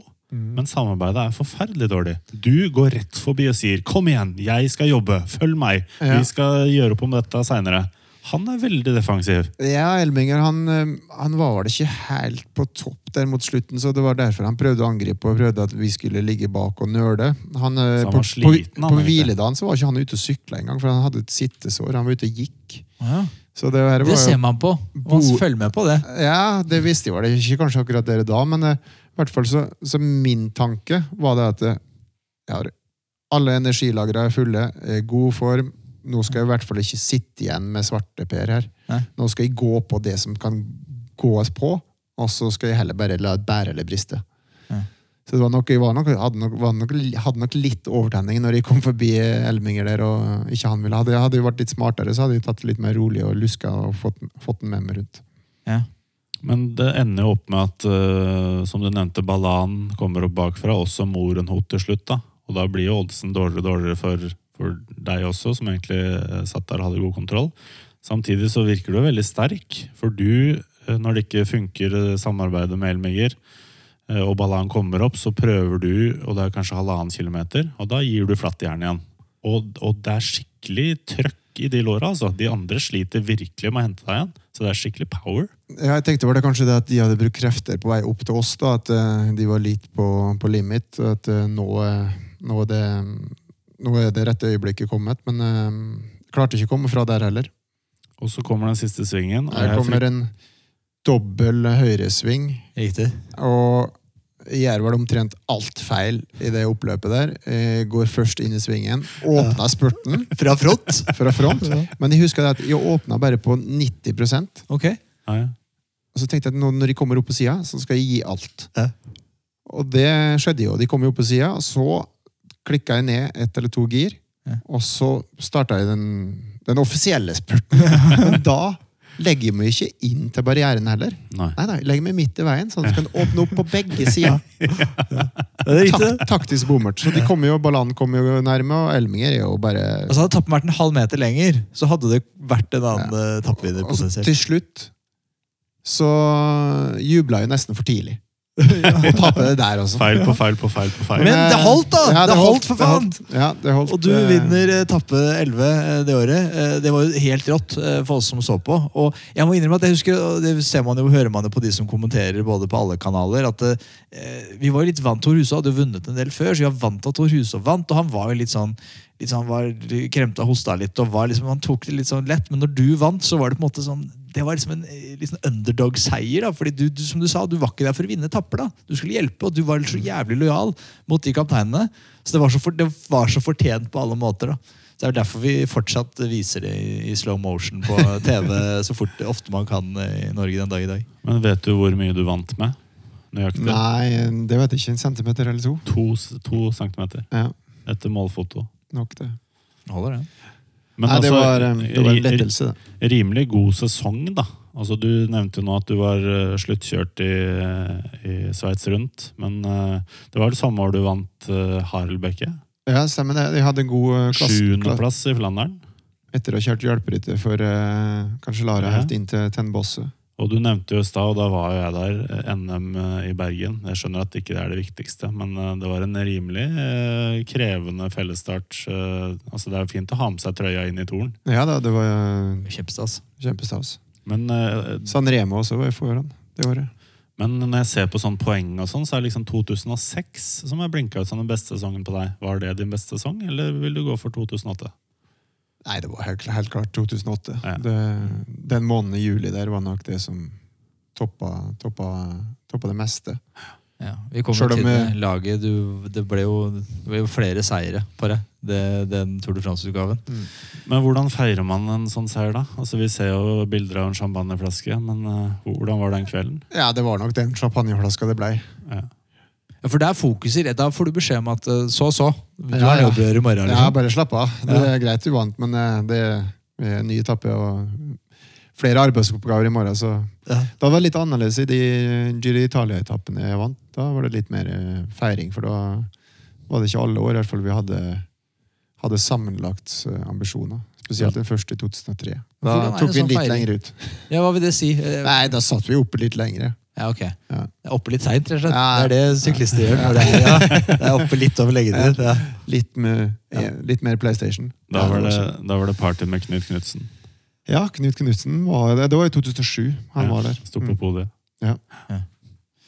Ja, det, det, det er klart det. Men er det noe, blir du hylla altså, sånn, ja, På middagen er jo middag antar jeg hver dag, men er det sånn at er det noe, det er liksom, er det noe mer opplegg? Det jeg antar jo det, når, du har, når man har vunnet. Altså, altså, jo, det er en ting jeg tenker på. Jeg har hørt hele tiden at når, For det er jo pengepremier som er ganske solide når du vinner en etappe Tour de France.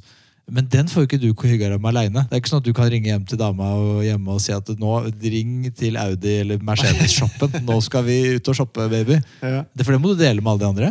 Det deler vi med alle, ja. Ja. Mm. Og det er, det, er, det, er, det er ikke vips, dette. Dette skjer laget for penga, og så må du Ja, det har vi Det, det er et firma som faktisk som samler inn eh, pengene og deler dem ut. eh, Og da er det en del til hver rytter, og så en del til staff, som de deler av innad. ja, staff, det er, også, det er mekanikere og massører. Ja, og det er jo De fortjener jo også gjort sin del av jobben. Det overser man jo helt. i en sånn, De får jo ikke noe fame.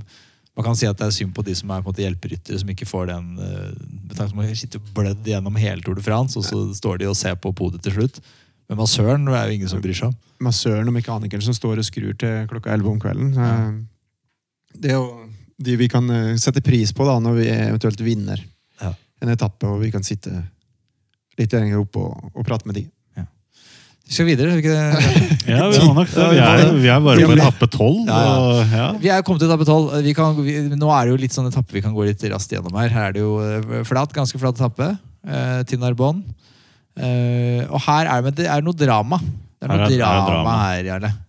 Ja, vi kan jo bare si at det er årets tredje etappeseier for Cavendish, men det er jo også denne dagen Ricardo Ricot, vinner av to etapper så langt, eh, avlegger en positiv Eller det er- blir kjent at han har avlagt en eh, positiv dopingprøve på Sera. Eller Mir Sera, en en nymotens EPO-variant. Det er ikke det pulveret man har under skia? Sera-pulver? Det er ikke det? Er det noe som heter det? Jeg tror det. Nei. Ja, det er ikke det han har kjørt rett i skrotten. Det, det, det kan godt Det er pass. Og det skjer, det skjer jo også at uh, Sonny Duval er jo helt forskrekka at det her har foregått under, på deres uh, vakt. Uh, og trekker jo laget. Det betyr at åttendemann i sammendraget, Kobo, er ute. Eh, og jeg har bare lyst til å nevne at uh, de som leder Sonier Duval-laget på denne tiden, de er jo nå sportsdirektørene til og eh, general manager for Alexander Kristoff i UAE Team Emirates. Det er Mauro Gianetti som er general manager, og så er det Joxean Fernandez som er sportsdirektør. Og begge de jobber jo nå for UAE Team Emirates. Men kan de være så sjokkert på at dette har foregått eh, senere? Så er det også kjent at Piepoli har drukket akkurat den samme drikkeflaska. Er de, er, er de Det helt det- uforstående? Det var i hvert fall noe de må se eh, for å prøve å berge laget. Hva de visste, det, det veit ikke jeg. Jeg vet ikke om det er noe som kom ut i etterkant. eller Det er det vel sikkert ikke, siden de opererer i dag i dag. Så det er litt et sånt spill i offentligheten? Ja, det vil jo naturligvis være hvis de ikke, ikke visste noe. Eller hvis de visste noe, så, vil, så, så må de jo si det. Men en annen ting jeg tenker er jo at når sånne ting smeller, så blir jo utøveren stående veldig aleine. Ja. Er det synd, men det er jo ikke noe synd på De har jo juksa, da. Det er- Ja da, men den eneste konsekvensen rammer utøveren. Mens legen, massøren, eller altså, sjefen eller alle de eh, fortsetter jo. Mens han bare Han der vi ikke han med gjøre. Ut i skogen med han! Ja. Altså, det er jo ikke han som har stått bak det der. Det det burde, trenger det ikke burde være de jo kanskje tenkt på litt før. Ja. Og I det tilfellet her så går det utover alle, da, når laget blir kasta ut. Tenk deg å være den eneste rene Sonja Duval-rytteren som har vært helt sånn på sida, ikke fått med seg, og så, og så blir du pælma ut. Men hva, hva er dette for noe? Det er for noe dritt? Så jeg hadde jo tenkt å ja. Men hvor stor skrell er det her, da? Eh, altså, det, det har lukta hele veien. Ja, det har ligget litt i kortet hele veien. Det gikk jo rykter, og folk prata jo. Så det, kom, det slo vel ikke ned som en bombe. Nei. Jeg var jo uansett eh, ja, på min rosa sky etter etappeseieren. Ja, så du ga jeg helt bare seila jo en annen vei. Ikke bare rosa, du hadde ja, så du drukket litt mye av den champagne. Og satt vel du og litt sånn i hodet. Og, ja, Hva skjedde der? Jeg faen ikke tid til de greiene her. Vi bare ja, blir kvitt den. Ok, nei, men eh, da er vi kvitt Sonja Duval. Det endrer jo ikke sånn enormt mye annet enn at disse Ricot og Pepoli og dette toget er ute, og Kobo som var, oppe der, er ute. Men de som er faktisk favoritter, og har vært favoritter hele veien, de sitter jo fortsatt med. Etappe 13, flat etappe fra Narbonne til Nîmes. Eh, og Cavendish vinner igjen, da, som han alltid dreiv med på den tida der. Kom han samla til mål, så klenka han til. Er det noe mer å si om etappe 13? Gjerne? Nei, ikke så veldig mye. Han er oppe på samme poengsum som Thor i poengsammendraget. Men uh, Cavendish er også etappeseier er det som gjelder Etappeseier. Han Ja. skal jo aldri ha grønn trøye, han. Uh, og så er etappe 14, eh, som mellom har etappe fra Nîmes til Diggen Le Bines. Uh, og her er det Oskar Freire som vinner. Det er jo krise for Thor eh, og poengtrøya. Og eh, det var en liten fjerdekategori på slutten der, og eh, Cavendish ble kjørt av. Ja. Og etter denne etappen her så står han av, for han skal forberede seg til banesykling i OL i Beijing. Det. Så da er det sayonara Tour de France for eh, Cavendish. Han vil vel noe sammen med Wiggins han i det OL-et der? er ikke? Stemmer det? stemmer. Hvorfor driver ikke flere sprintere med banesykling? Altså, vi har vel, Se på han der Viviani Vivianio, man må bare drive med banesykling. Det er Ja. første jeg hadde drept meg. hvis jeg Det er jo derfor vi jubler nå når vi får baner eh, til Norge. Riktig. Riktig.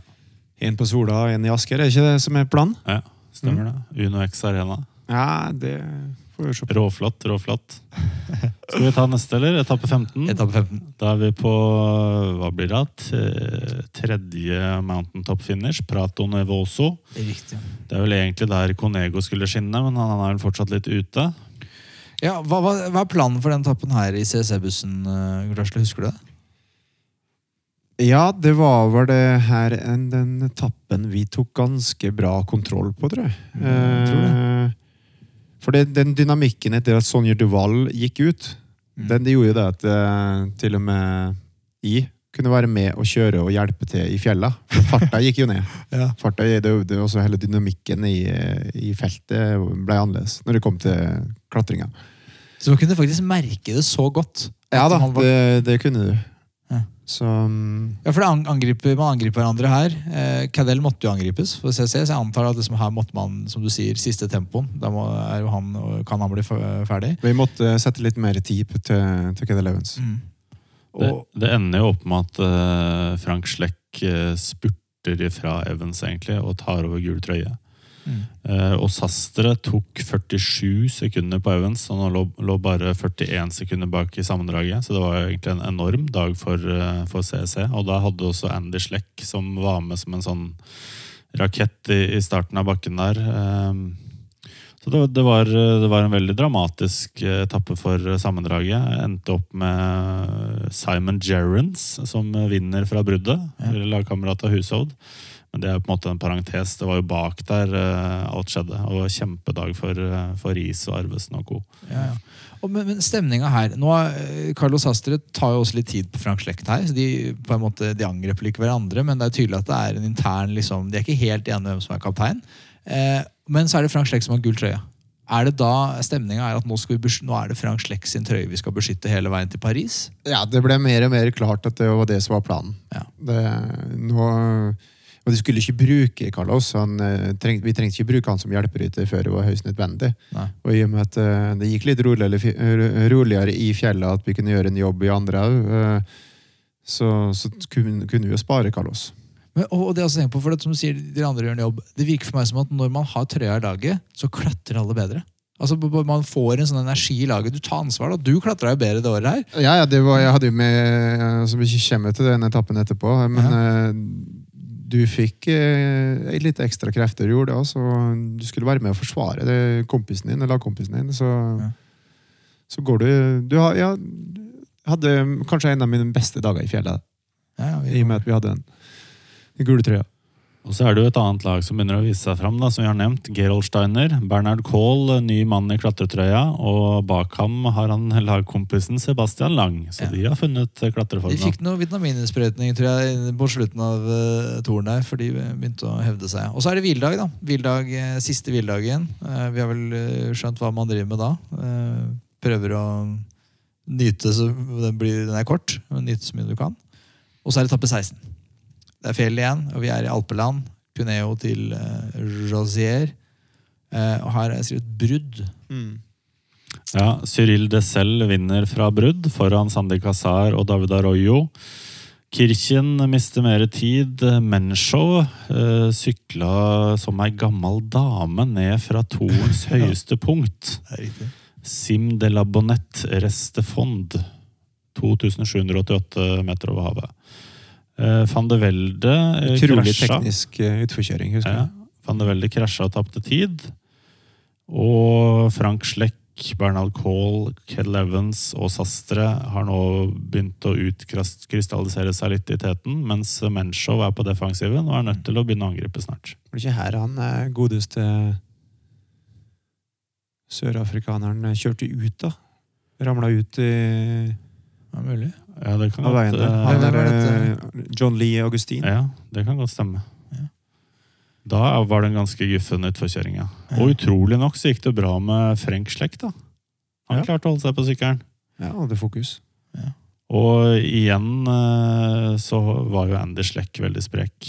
Og han sitter jo nå i hvit trøye på bekostning av eh, Nibali, faktisk. Ja. Etappe 17. Her eh, er en god, god etappe. Eh, Fjell, en brun til opp legendariske Alp d'Huez. Eh, Hva husker du her? Herfra?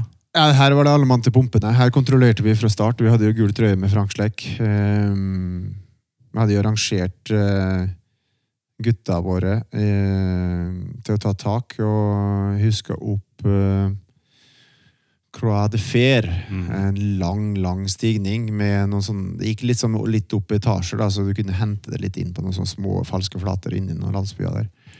Og Da var det jo kanskje Lara som, som dro, og han dro fort. Ja. Og jeg husker på et tidspunkt der at det, går det fortere nå, så, så får ikke jeg gjort jobben min. Ja, for du var, du skulle, Jeg skulle ta jobb etter han igjen. Ja. Så jeg snudde meg, og så kikka jeg på Jens Vogt, og han, så bare han også. var på stålet. Så sa, sa han at nei, nå må vi bytte, sånn, bytte plass. Jeg må, gjøre, jeg må jobbe før det. Så, det jeg må, så, så tenkte jeg at jeg skal i hvert fall ikke slippe før den feite ræva der. Og det var kanskje Lara. Og så slapp han jo. Kanskje Lara. Endelig. Ja. Så tok Jens Vogt eh, noen føringer. Altså, du lot han få gå Ja, forbi deg? ja, og så dro vi videre opp, og så tenkte jeg ok, nå er målet mitt fem kilometer til toppen. Ja. Og når vi var fem og en halv kilometer til toppen ah, Kjempebra jobba, Kurt! Eh, Nå tar du den bare helt opp til toppen! Så kikka jeg bare rundt på Frank og Carlos og, eh, og de endelig satt over der. Så tenkte jeg, det her går jo ikke. Ja, men klikk inn to gir, da. Ja, okay. Og så klikka jeg inn to gir, lettere, lettere gir. Kjørte litt saktere. Konego var i ferd med å slippe. Ja. Han kom jo opp igjen. Og så kom vi over toppen. Og hvem er det som kommer da? Fabian. Kanskje Lara kommer opp igjen med, med fullt av flasker. Heldigvis, da, for dette, da var det jo faktisk en del mil inn til, inn Til Alpe d'Huez. Ja. Så da dro jeg og han inn dit. Så når vi slo ut uh, inn i bakken der, så så, ja, så hadde vi, lå jo vi kvarter foran gruppettoen, så vi hadde jo all verdens tid opp alt det, Så kunne vi virkelig nyte det og høre på radioen. og Hørte jo fort at det, Hva er det man hører på radioen? Er, ja, altså, det er jo fullt kaos egentlig i starten, for det er jo ikke noe som er avtalt det her. Nei. Altså, det, det var jo ikke avtalt at eh, Carlos skulle gå ifra nærmest bunnen av bakken. Gjorde han det litt rogue? At han hadde en egen plan? Han ikke- eh, hadde nok en egen plan. Ja. At han skulle, skulle, skulle gå for det her. Ja. Men eh, vi får jo ikke gjort noe. Han går jo for etappeseier. Etter hvert så ser jeg jo at tidsdifferansen blir jo så stor at eh, han går jo for gule trøya. Og Slekkgutta Ja, det er jo litt sånn i, Vi går jo etter, sant? men de kan ikke ta noen eh, ordentlige føringer, for eh, har, de har jo en lagkompis foran. Ja. Og Det viste seg vel i ettertid at det, eh, det var den eneste måten vi kunne, kunne vinne på. Ja. For Frank tapte jo mye på tempoen. Ja, Om han vet ikke hva han driver på tempet? Eh, Nei. Det er, det er Det låste seg. ja. ja, det er Men ja, Så det ble suksess. Det er som du er inne på. eh, Carlos Astre vinner foran Samuel Sanchez. eh, Og så kommer eh, Anders Schleck eh, og Valverde Frank Schleck-gjengen. Men han vinner jo da med over to minutter.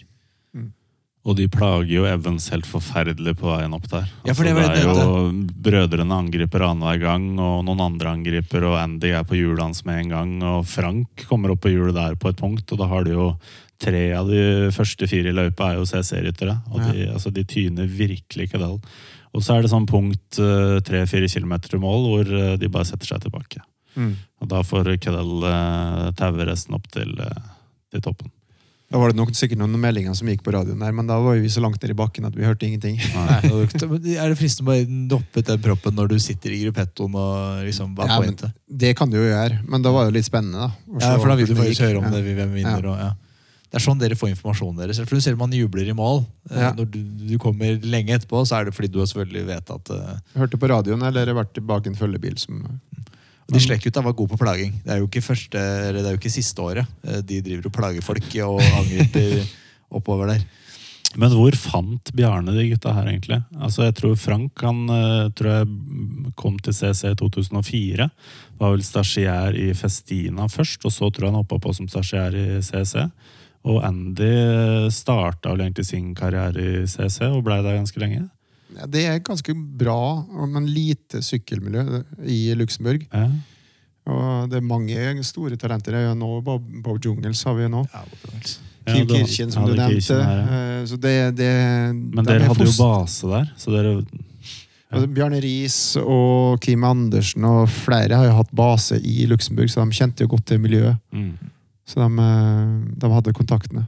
Hva slags forhold har du til Alp d'Huez? Altså, du trekker jo hele feltet på vei inn til Alp d'Huez. Det må være deilig, det også. Men uh, folkeliv Det som er igjen av feltet. Ja, på det tidspunktet så, eh, så var det jo bare gøy. Eh, Folkelivet det var, Da hadde jeg overskudd. Eh, Kanskje Lara var faktisk mer trøtt enn det jeg var opp den, eh, den stigninga. Så jeg stoppa på veien opp og hilste på Ja. niesene mine og min bror. Ja. På vei opp i en av svingene der. Det var mye nordmenn der. Ja, det var mye nordmenn. Nederlendere. Ja, du, jeg anbefaler det. Johan. Kaggestad sa jo det at er det én ting du må få gjort i løpet av livet, så er det å være i Alpe d'Huez eh, under Tour de France. Det er på en måte det heftigste stedet å, å være. Ja, Vi sykla jo en tempo opp der en gang. ja. Riktig. 2004 var ikke det første året? Det var kanskje det. Jeg tror, jeg tror det var første Det var opplevelse, det. Ja, det må være helt spinnvilt. Jeg, altså, jeg tror ikke jeg skal sykle opp der. Eh, Det måtte vært som eh, sånn Vi kunne innom nederlandske svingen et par timer helt til jeg leveren takker for seg, og så finne en bobil og sove i. Ok, men eh, sammenlagt, dette endrer jo litt. Carlos Sastre er nå i ledelsen. eh, 1,24 foran Frank Schleck. Og så er det Bernhard Kohl som ligger på tredjeplass. eh, Nesten på samme tid som Evans. Og Menshov sprekker vel også litt opp alt det seg, så han melder seg vel litt ut. Mm. Han, han prøver jo å gå sammen med Saster i bunnen. Ja, riktig. Og får, får det jo helt. eh, og så blir det samling, og så går Sastre til en gang til, og da er det ingen som følger Ja. Og han ser jo helt smashing ut opp der, da, Kurt. Altså den frekvensen han legger opp til, og han ser jo nesten Carlos? Ja, han ser nesten uanfekta ut. Ja, han hadde fått et vepsestikk denne dagen der, ja. Det Ja. kan du si. Etappe 18. Mellomhard, klassisk eh, bruddetappe. Bourdoza til Santet igjen. Eh, jeg- det, bare, det er sånn etappe som bare det skjedde. Det bare var en etappe i min bok. Men jeg har et par ting. Ja, du selvfølgelig. Også bruddseier til Borgart, da, det, det sa du jo. Men uh, Johnny Sleck og, og hans bil ble stansa av franske tollere. Som gjennomsøkte bilen hans etter ulovlige preparater. Så Sleck-gutta var nok litt på radaren til, de franske tollere. Mm. Eh, Johnny, det er faren. Ja, pappa. Pappa Ja. Eh, og så velta jo Konego veldig stygt og tapte 20 minutter og sto av Tour de France dagen etter. Forferdelig Tour de France. For Ja, ingen som brydde seg av det. Han var ute av det uansett. Etappe 19. Mellomhard fra Rouen til Montluzon. Uh, og her er det virkelig sånn sammenlagt favorittene. De, de, sparer seg vel til tempoen som kommer. Uh, så det er jo klassisk brudd, da. Uh, og, men her var det vel ikke aktuelt for deg å gå i brudd uansett, for her måtte det forsvares eh, trøye. Nei, det var, det var jo egentlig to Både etappe 18 og 19 var jo to perfekte etapper for meg. Men eh, i og med at vi lå én og to i sammendraget, så var ikke det aktuelt. Ja. Min oppgave de to etappene der var å plage Cadel Evans. Ja. Opp og prøve å prate med han. Stress, hva, hva stresse sier han. Hva, hva sier Nei, det er bare å spørre om ting. Det var ikke noe, det var ikke noe voldsomt ondt. Men vi hadde en liten baktanke med det. Og det sier Bjarne Riis for at nå, en, det skal prates litt med Evans. Så man skal liksom Det var noe vi gutta tror jeg kom på sjøl. Ja.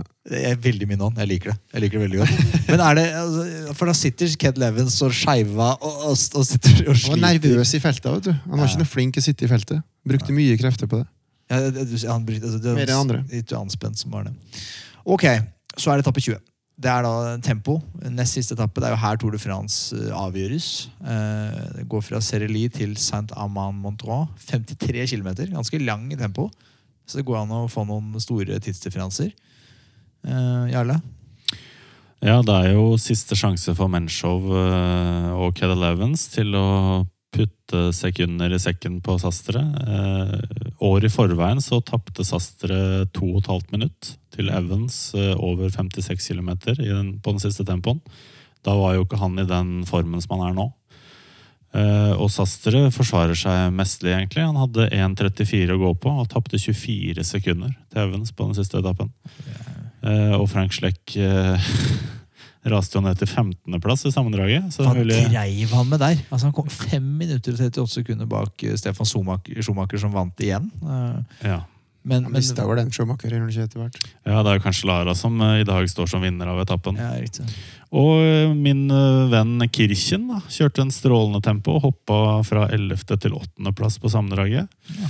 Bernhard Kohl forsvarte tredjeplassen sin, eh, men eh, både han og Schumacher ble jo eh, avslørt som Sera-doper i etterkant. Og Menchow rykka da opp på den tredjeplassen. Ikke sant. Ja, altså Sammenlagt da, så, så er Sastre foran Evans, Bernhard Kohl, Dennis Menshow. Eh, og det blir jo også det som blir sammendraget til slutt. Fordi etappe 21 går inn til Champs-Élysées, inn i Paris. Og der er det også en sånn overraskelsesmann som vinner. Ja, Der vinner jo Gert Stegmanns. Eh, Han ble jo kasta inn i toren på eh, Hva het det da? Quickstep? Omega Pharma Quickstep? Nei. En pass. Ja, jeg husker ikke. Eh, Fordi han Tom Bowden likte jo å putte ting opp i nesa si på privaten. Så han, Quickstep heter det. ja. Eh, Tom Bowden fikk ikke reise til Tour de France. Stegmanns eh, skulle på en måte forsvare lagets ære. Og ifølge Husholt så var han veldig kvikk på de avsluttende etappene, så han var ikke overraska. Men vi andre var nok litt overraska over at han dunka inn en seier på, på Champs-Élysées. Ja, også, også Ge- Gerald Schiolek, som kom på andreplass. som er- er sånn, Han er jo ikke den raskeste sånn i en flat spurt, han. Men han var jo med i opptrekkertoget rundt Cau, så han fikk jo ikke vist seg noe tidligere i Tour de France. Så Riktig. dette var hans sjanse og mulighet til å skinne. Så er det jo Noen av de vasseste spurterne, spurterne er jo borte inne på Champs-Élysées. Og så er det jo det med restitusjon etter tre uker og spurte etter, er etter så langt ritt. Det ser man med Kristoff. ja. Han vinner jo stort sett uh, Etappen han vinner, er jo helt på slutten av eh, etter tre uker. For han Mm. er Lange, tøffe ritt. Men sånn i historisk sammenheng, da, Kurt, vi kan vel være ganske fornøyd altså sånn image-messig med Tour de France-seier til Sastre. Og fullt tett inn av Cade Evans. Det er vel gutter som vi har tro på at uh, har holdt stien sin rein og vært lite føss rundt de gutta der. Ja, det har vært absolutt lite føss rundt dem, så jeg tror på at um, På det tidspunktet så var jo kanskje det en av de, de første som, som vant rent. Ja, Jeg hadde jo rekka med, med Lance selvfølgelig i forkant der. ja. Ja, så hadde du Ulrich, og du har hatt uh, Contador Pantani, ja. og Pantani. Det er jo vanskelig å, å stole på de gutta der. ja, også i hvert fall med tanke på at det virka som at her begynte man å få litt dreisen på testing. Eh, Det, det ser man at folk blir tatt, ikke sant? For det var problemet før. lag ble kasta ut. Ikke minst. Biler ble sjekka som, eh, som Ja. Bilen til pappa Slekk der. Ja. Og det skjedde, skjedde ting der. Så, mm, ja, men det, det, så dette er da, som du sa i stad, dette var ditt beste år, mener du selv? Ja, det var nok det høydepunktet i min karriere sånn sett, eh, som lag. Eh, Jeg husker jeg sa det til, til Andy når vi sto der og skulle gå på podiet. Vi vant jo lagkonkurransene. Ja, ja, ja, ikke Så, minst. så sa jeg det at eh, noe, større enn det her tror jeg nok ikke min karriere kommer til å gi meg. eh, Som personlig, i hvert fall. Da sa han det han vel. Ja, ja, det, Snakk for han, selv. han forsto ikke hva jeg snakka om. så Ja, han hadde jo noen eh, skumle hensikter de neste kommende årene. Han ble jo den nye stjernen. han. ja. Ja. Altfor kort. var det dette siste, siste Tour de France-en du sykla? Det var jo, eh, Jeg endte jo jeg sykla min siste Tour de France-etappe med brukket kragebein i 2009. Ja, Det er riktig. Du var med i 2009 òg. Ja, nei, jeg- er det noe mer vi har å legge til? Jarle, har du noe Jeg, jeg har sjekka litt eh, norske ryttere som har vært på vinnerlaget under Tour de France gjennom tidene. Jeg håper jeg fikk med alle, men jeg har Steffen Kjærgaard for Lance, Atle Kvålsvold for Greg LeMond, Arvesen, Carlos Astre og Edvald Baasen Hagen for Bradley Wiggins. Ja. Så det er en liten celeber, eh, et celebert knippe. Det er ikke så mange nordmenn som har opplevd det. Nei, det var, det var stas, det. Så sykle inn i front av eh, feltet Ja, ja. med gul trøye på laget inn eh, på jo, Du får gåsehud og frysninger uansett når du ser eh, Eiffeltårnet der etter, etter tre ukers kamp. Men det er klart, når du kommer inn der med gul trøye, så er det jo ekstra stas. For, for du, du er en veldig ydmyk person. av mitt inntrykk. Du, som, som du har nevnt, Jarl, at du snakker litt ned. sånn, ja, men jeg var jo bare hjelperytter. Jeg holdt jo på.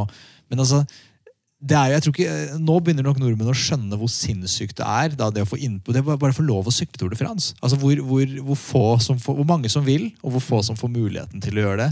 det, det tror man, nå tror jeg man begynner å skjønne det i Norge, fordi sykling begynner å få litt fotfeste. Og vi skjønner at det er en sport som verden bryr seg om. Altså langrenn, hvem, i faen? Altså Klæbo, det er ingen som har peiling. Altså, stav det med æ. Vi driter i det, fordi vi trenger ikke å stave navnet hans eh, i utlandet. Men sykling er jo ikke sånn. Det bryr jo hele verden seg om. Ja, det, det, er en, eh, det er en stor idrett. eh, Det er det. Og vi har heldigvis kommet litt lenger i Norge. Husker jeg i starten, eh, starten på 90-tallet, når du spurte ja, hva driver du med. Nei, jeg er syklist. Ja, ok, Sykla du Trondheim-Oslo?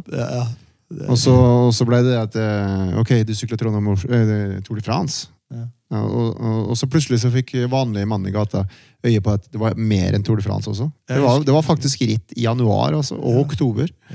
Så, Og de største rittene går jo om eh, våren eh, ofte. Ja. I hvert fall like store. Nei, du, dette har vært helt fantastisk hyggelig. Eh, tusen takk for at vi fikk lov å komme hit. Eh, nå håper vi jo at UnoX bare fortsetter å vokse og bli stort. At, eh, jeg mener jo at vi må jo få et eh, World Tour-lag i Norge. Det er på tide. Eh, så du får ringe hvis du trenger meg eller Jarl til å bidra med et eller annet. Vi kan ikke så mye. Nei. Godt humør har vi, og Ja, så skal vi gjøre vårt. Det er ikke han som er sjefen, det er Jens Haugland. Jens Haugland, han han, må eh, inn på. Tour de France-laget innenfor Tror du, tror du det blir Tour de France i år? Jeg håper det. Altså, jeg veit ikke. Hva jeg tror, det har ikke noen betydning. Hva skal du gjøre i Tour de France-ukene i juli? Ja, da er vi nede i Polen eller Tsjekkia eller eh, Kanskje vi er i Frankrike og kjører ikke Tour de France, men et eller annet. Vi har søkt på masse ritt, og vi har en bra kalender, fra august ut eh, midten av oktober. Så hvis det blir arrangert, så blir det hyggelig. Bra.